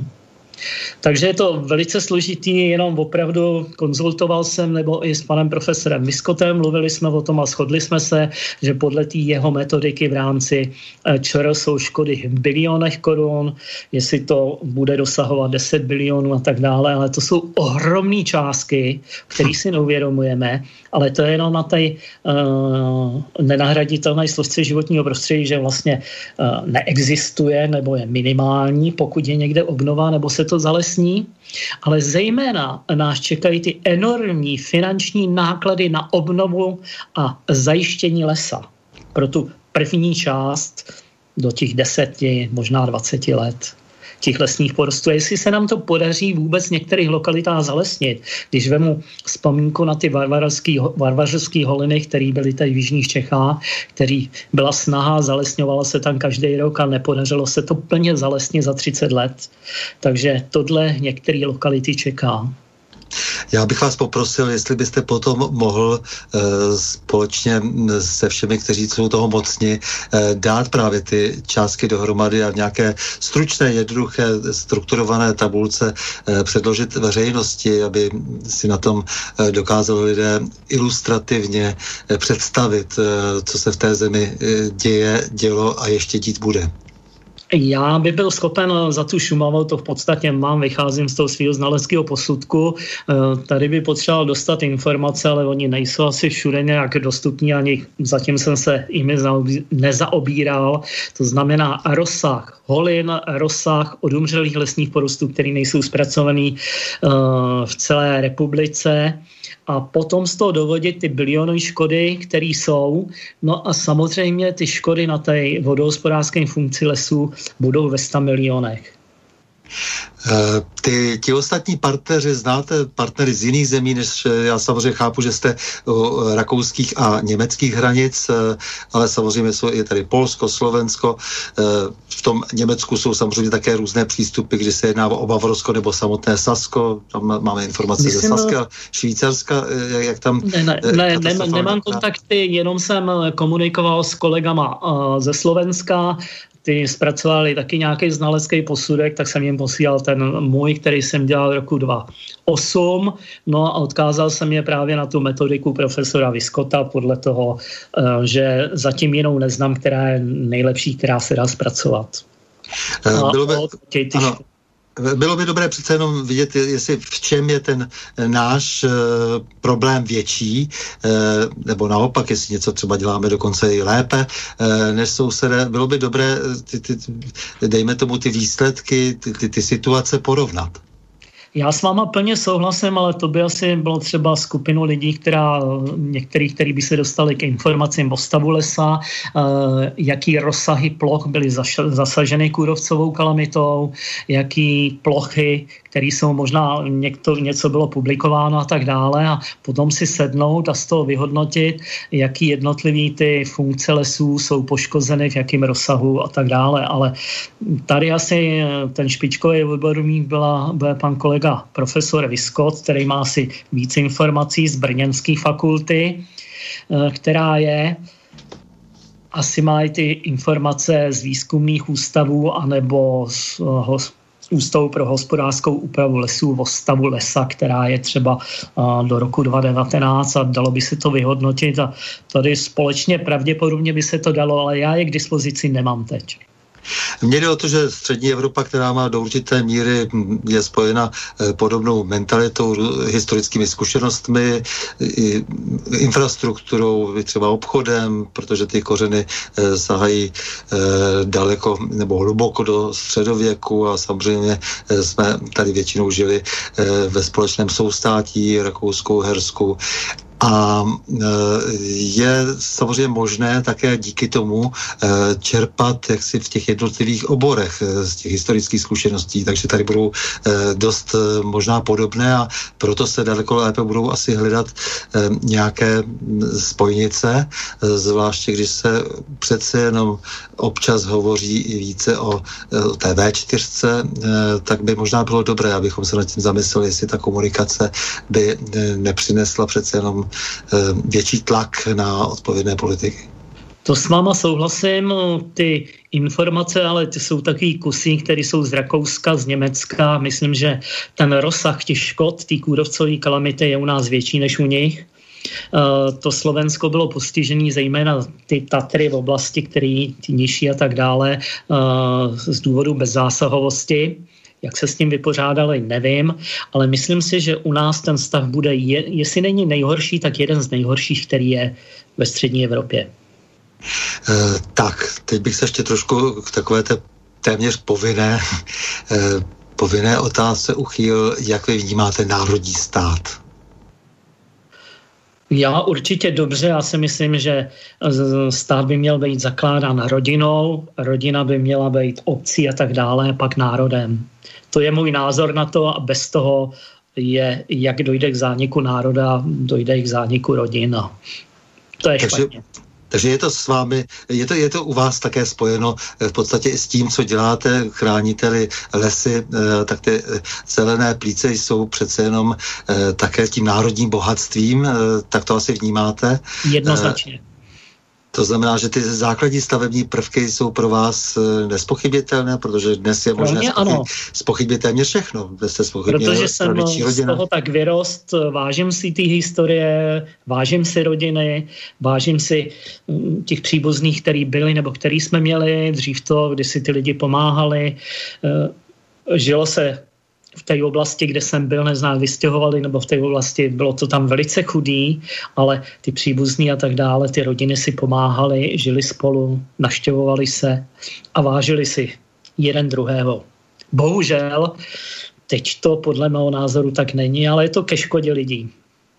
Eh, co říkáte takovému tomu rozdmíchávání, a to se Šumavy týká velice, eh, těch různých eh, sudetoněmeckých vášní nebo vášní kolem sudetoněmeckých nároků, které se stále hlasitěji ozývají z německé strany, že by tedy se měli, mělo vrátit to, co bylo konfiskováno po druhé světové válce, protože to samozřejmě je zásah až do jedné třetiny území České republiky a týká se to zejména pohraničí.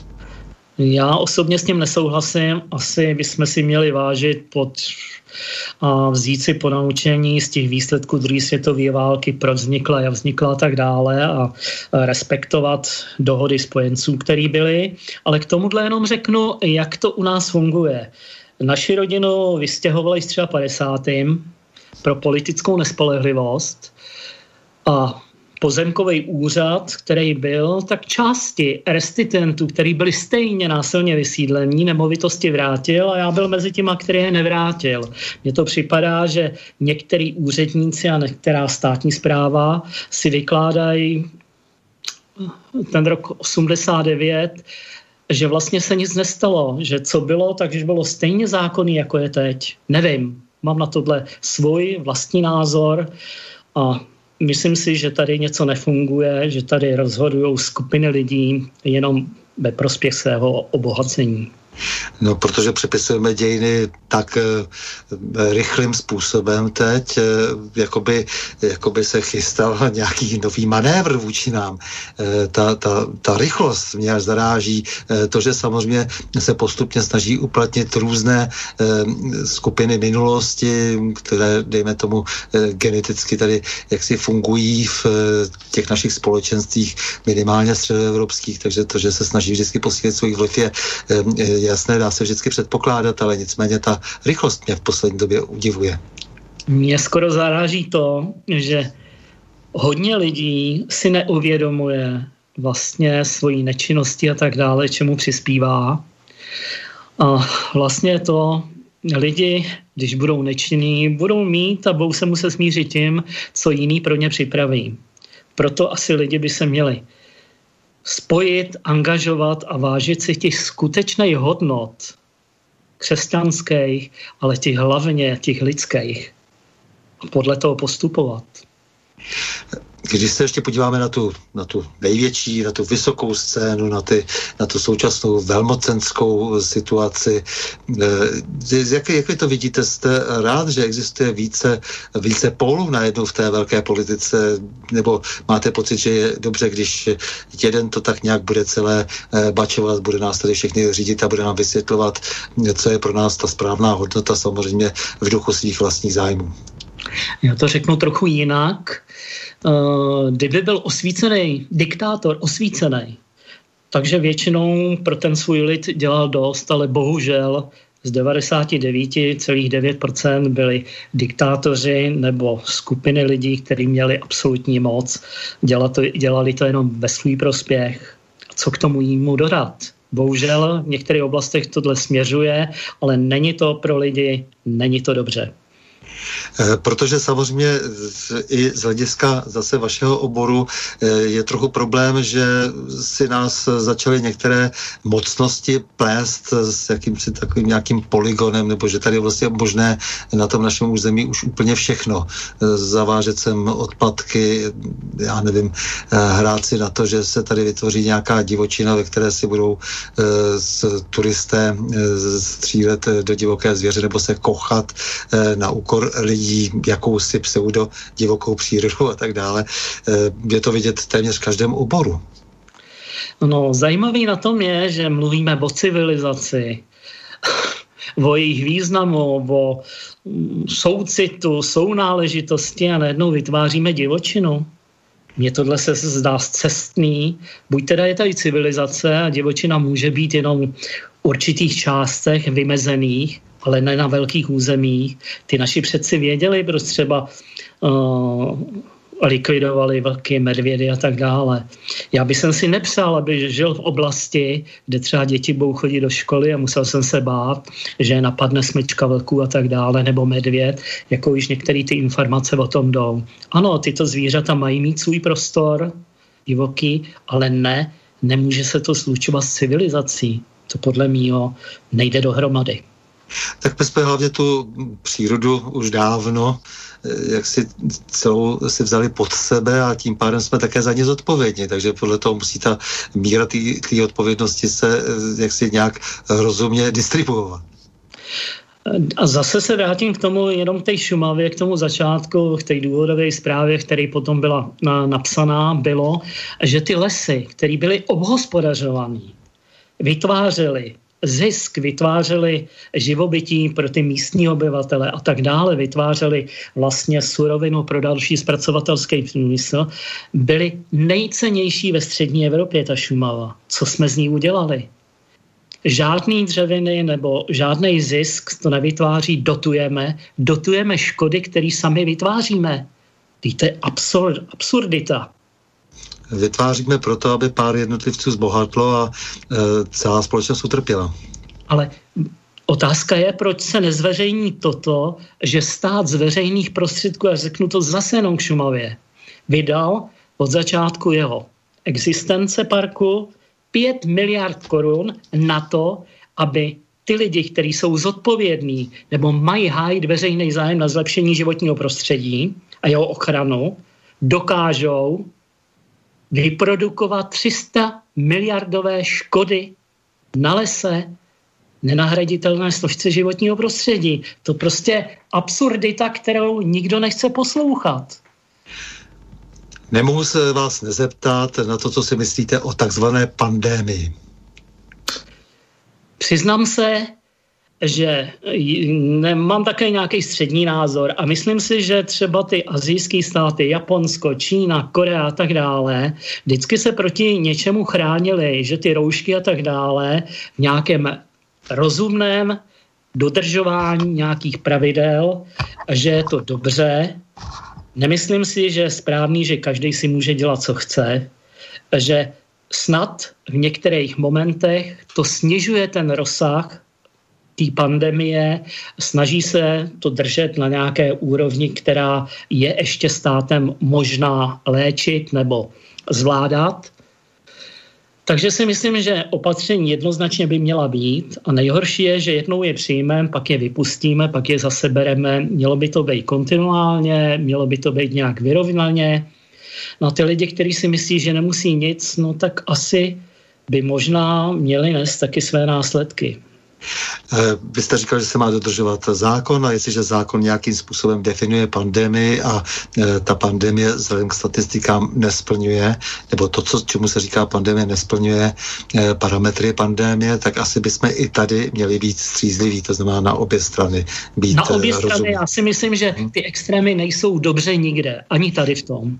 Protože když si vymýšlíme, že je pandemie něco, co pandemie není a naopak e, upozorňujeme to, že je tady celá řada infekčních e, chorob, e, které mohou mít, mohou také mít jednou pandemický rozměr, tak je jaksi něco špatně a něco tady docela zapáchá jakousi určitou účilovostí. Není to také tak? Je to samozřejmě možný, já nevím, nemám tady vyhraněný názor, ale si myslím, že eh, ve vztahu k tomu veřejnému zájmu a tak dále bychom měli některé věci respektovat. Určitě. Ale samozřejmě bychom měli vycházet z toho, co je účelný, účinný a tak dále a co k, eh, k tomu cíli, co chceme přispívá. Ale měli bychom si asi nalít čistého vína stejně jako u té Šumavy. Eh, mě to prostě zajímá právě proto, eh, kladu vám tu otázku, protože jste několikrát použil slovo metodika a tady mi jaksi nějaká opravdu jasná metodika chybí a ta metodika do určité míry by mohla být zřejmá i lajkům v oboru. To si myslím, že možné je. Já si myslím taky, ale tady opravdu nemám informace, nerozumím tomu, ale zase k tomu jenom řeknu, že extrémy jak na levé, na pravé straně jsou špatně. Mm-hmm. No tak e, zajímá mě samozřejmě ta struktura toho rozhodování, proto se ptám, protože přesně, přesně jak jste říkal, že to neustále měnění pravidel, e, to prostě potom spochybňuje e, ten dobrý úmysl. Tak, vážený Karle Simone, já vám moc děkuji z celého srdce za rozhovor, protože to, dělám to teda vlastně za všechny asi skutečné patrioty, ten, ten váš boj za naše lesy je důležitý i Vlastně proto, že si stále chceme v té české hymně připomínat, že u nás bory šubí po skalinách a jak dodávám, nejenom po těch skalinách. E, rád bych, aby, aby jsme e, přece jenom z větší části byli opět e, zalesněni a mohli se s těmi lesmi, lesy nejenom chlubit, ale, ale mohli také v nich nějak žít vyšší kvalitu. Bylo by to mé velké přání, kdyby se podařilo, kdyby už někdo vyslovil nějaký názor a rozhod, že přijmeme nějaká opatření, která k tomu přispějí. S vámi, milí posluchači, se také loučím a to s přáním mějme se rádi, buďme svobodní, zpříjmení, nevěšme hlavu. Stojíme při svých bližních i národech. Nepřátel se nelekejme a na množství nehleďme. Děkuji vám, mějte se hezky.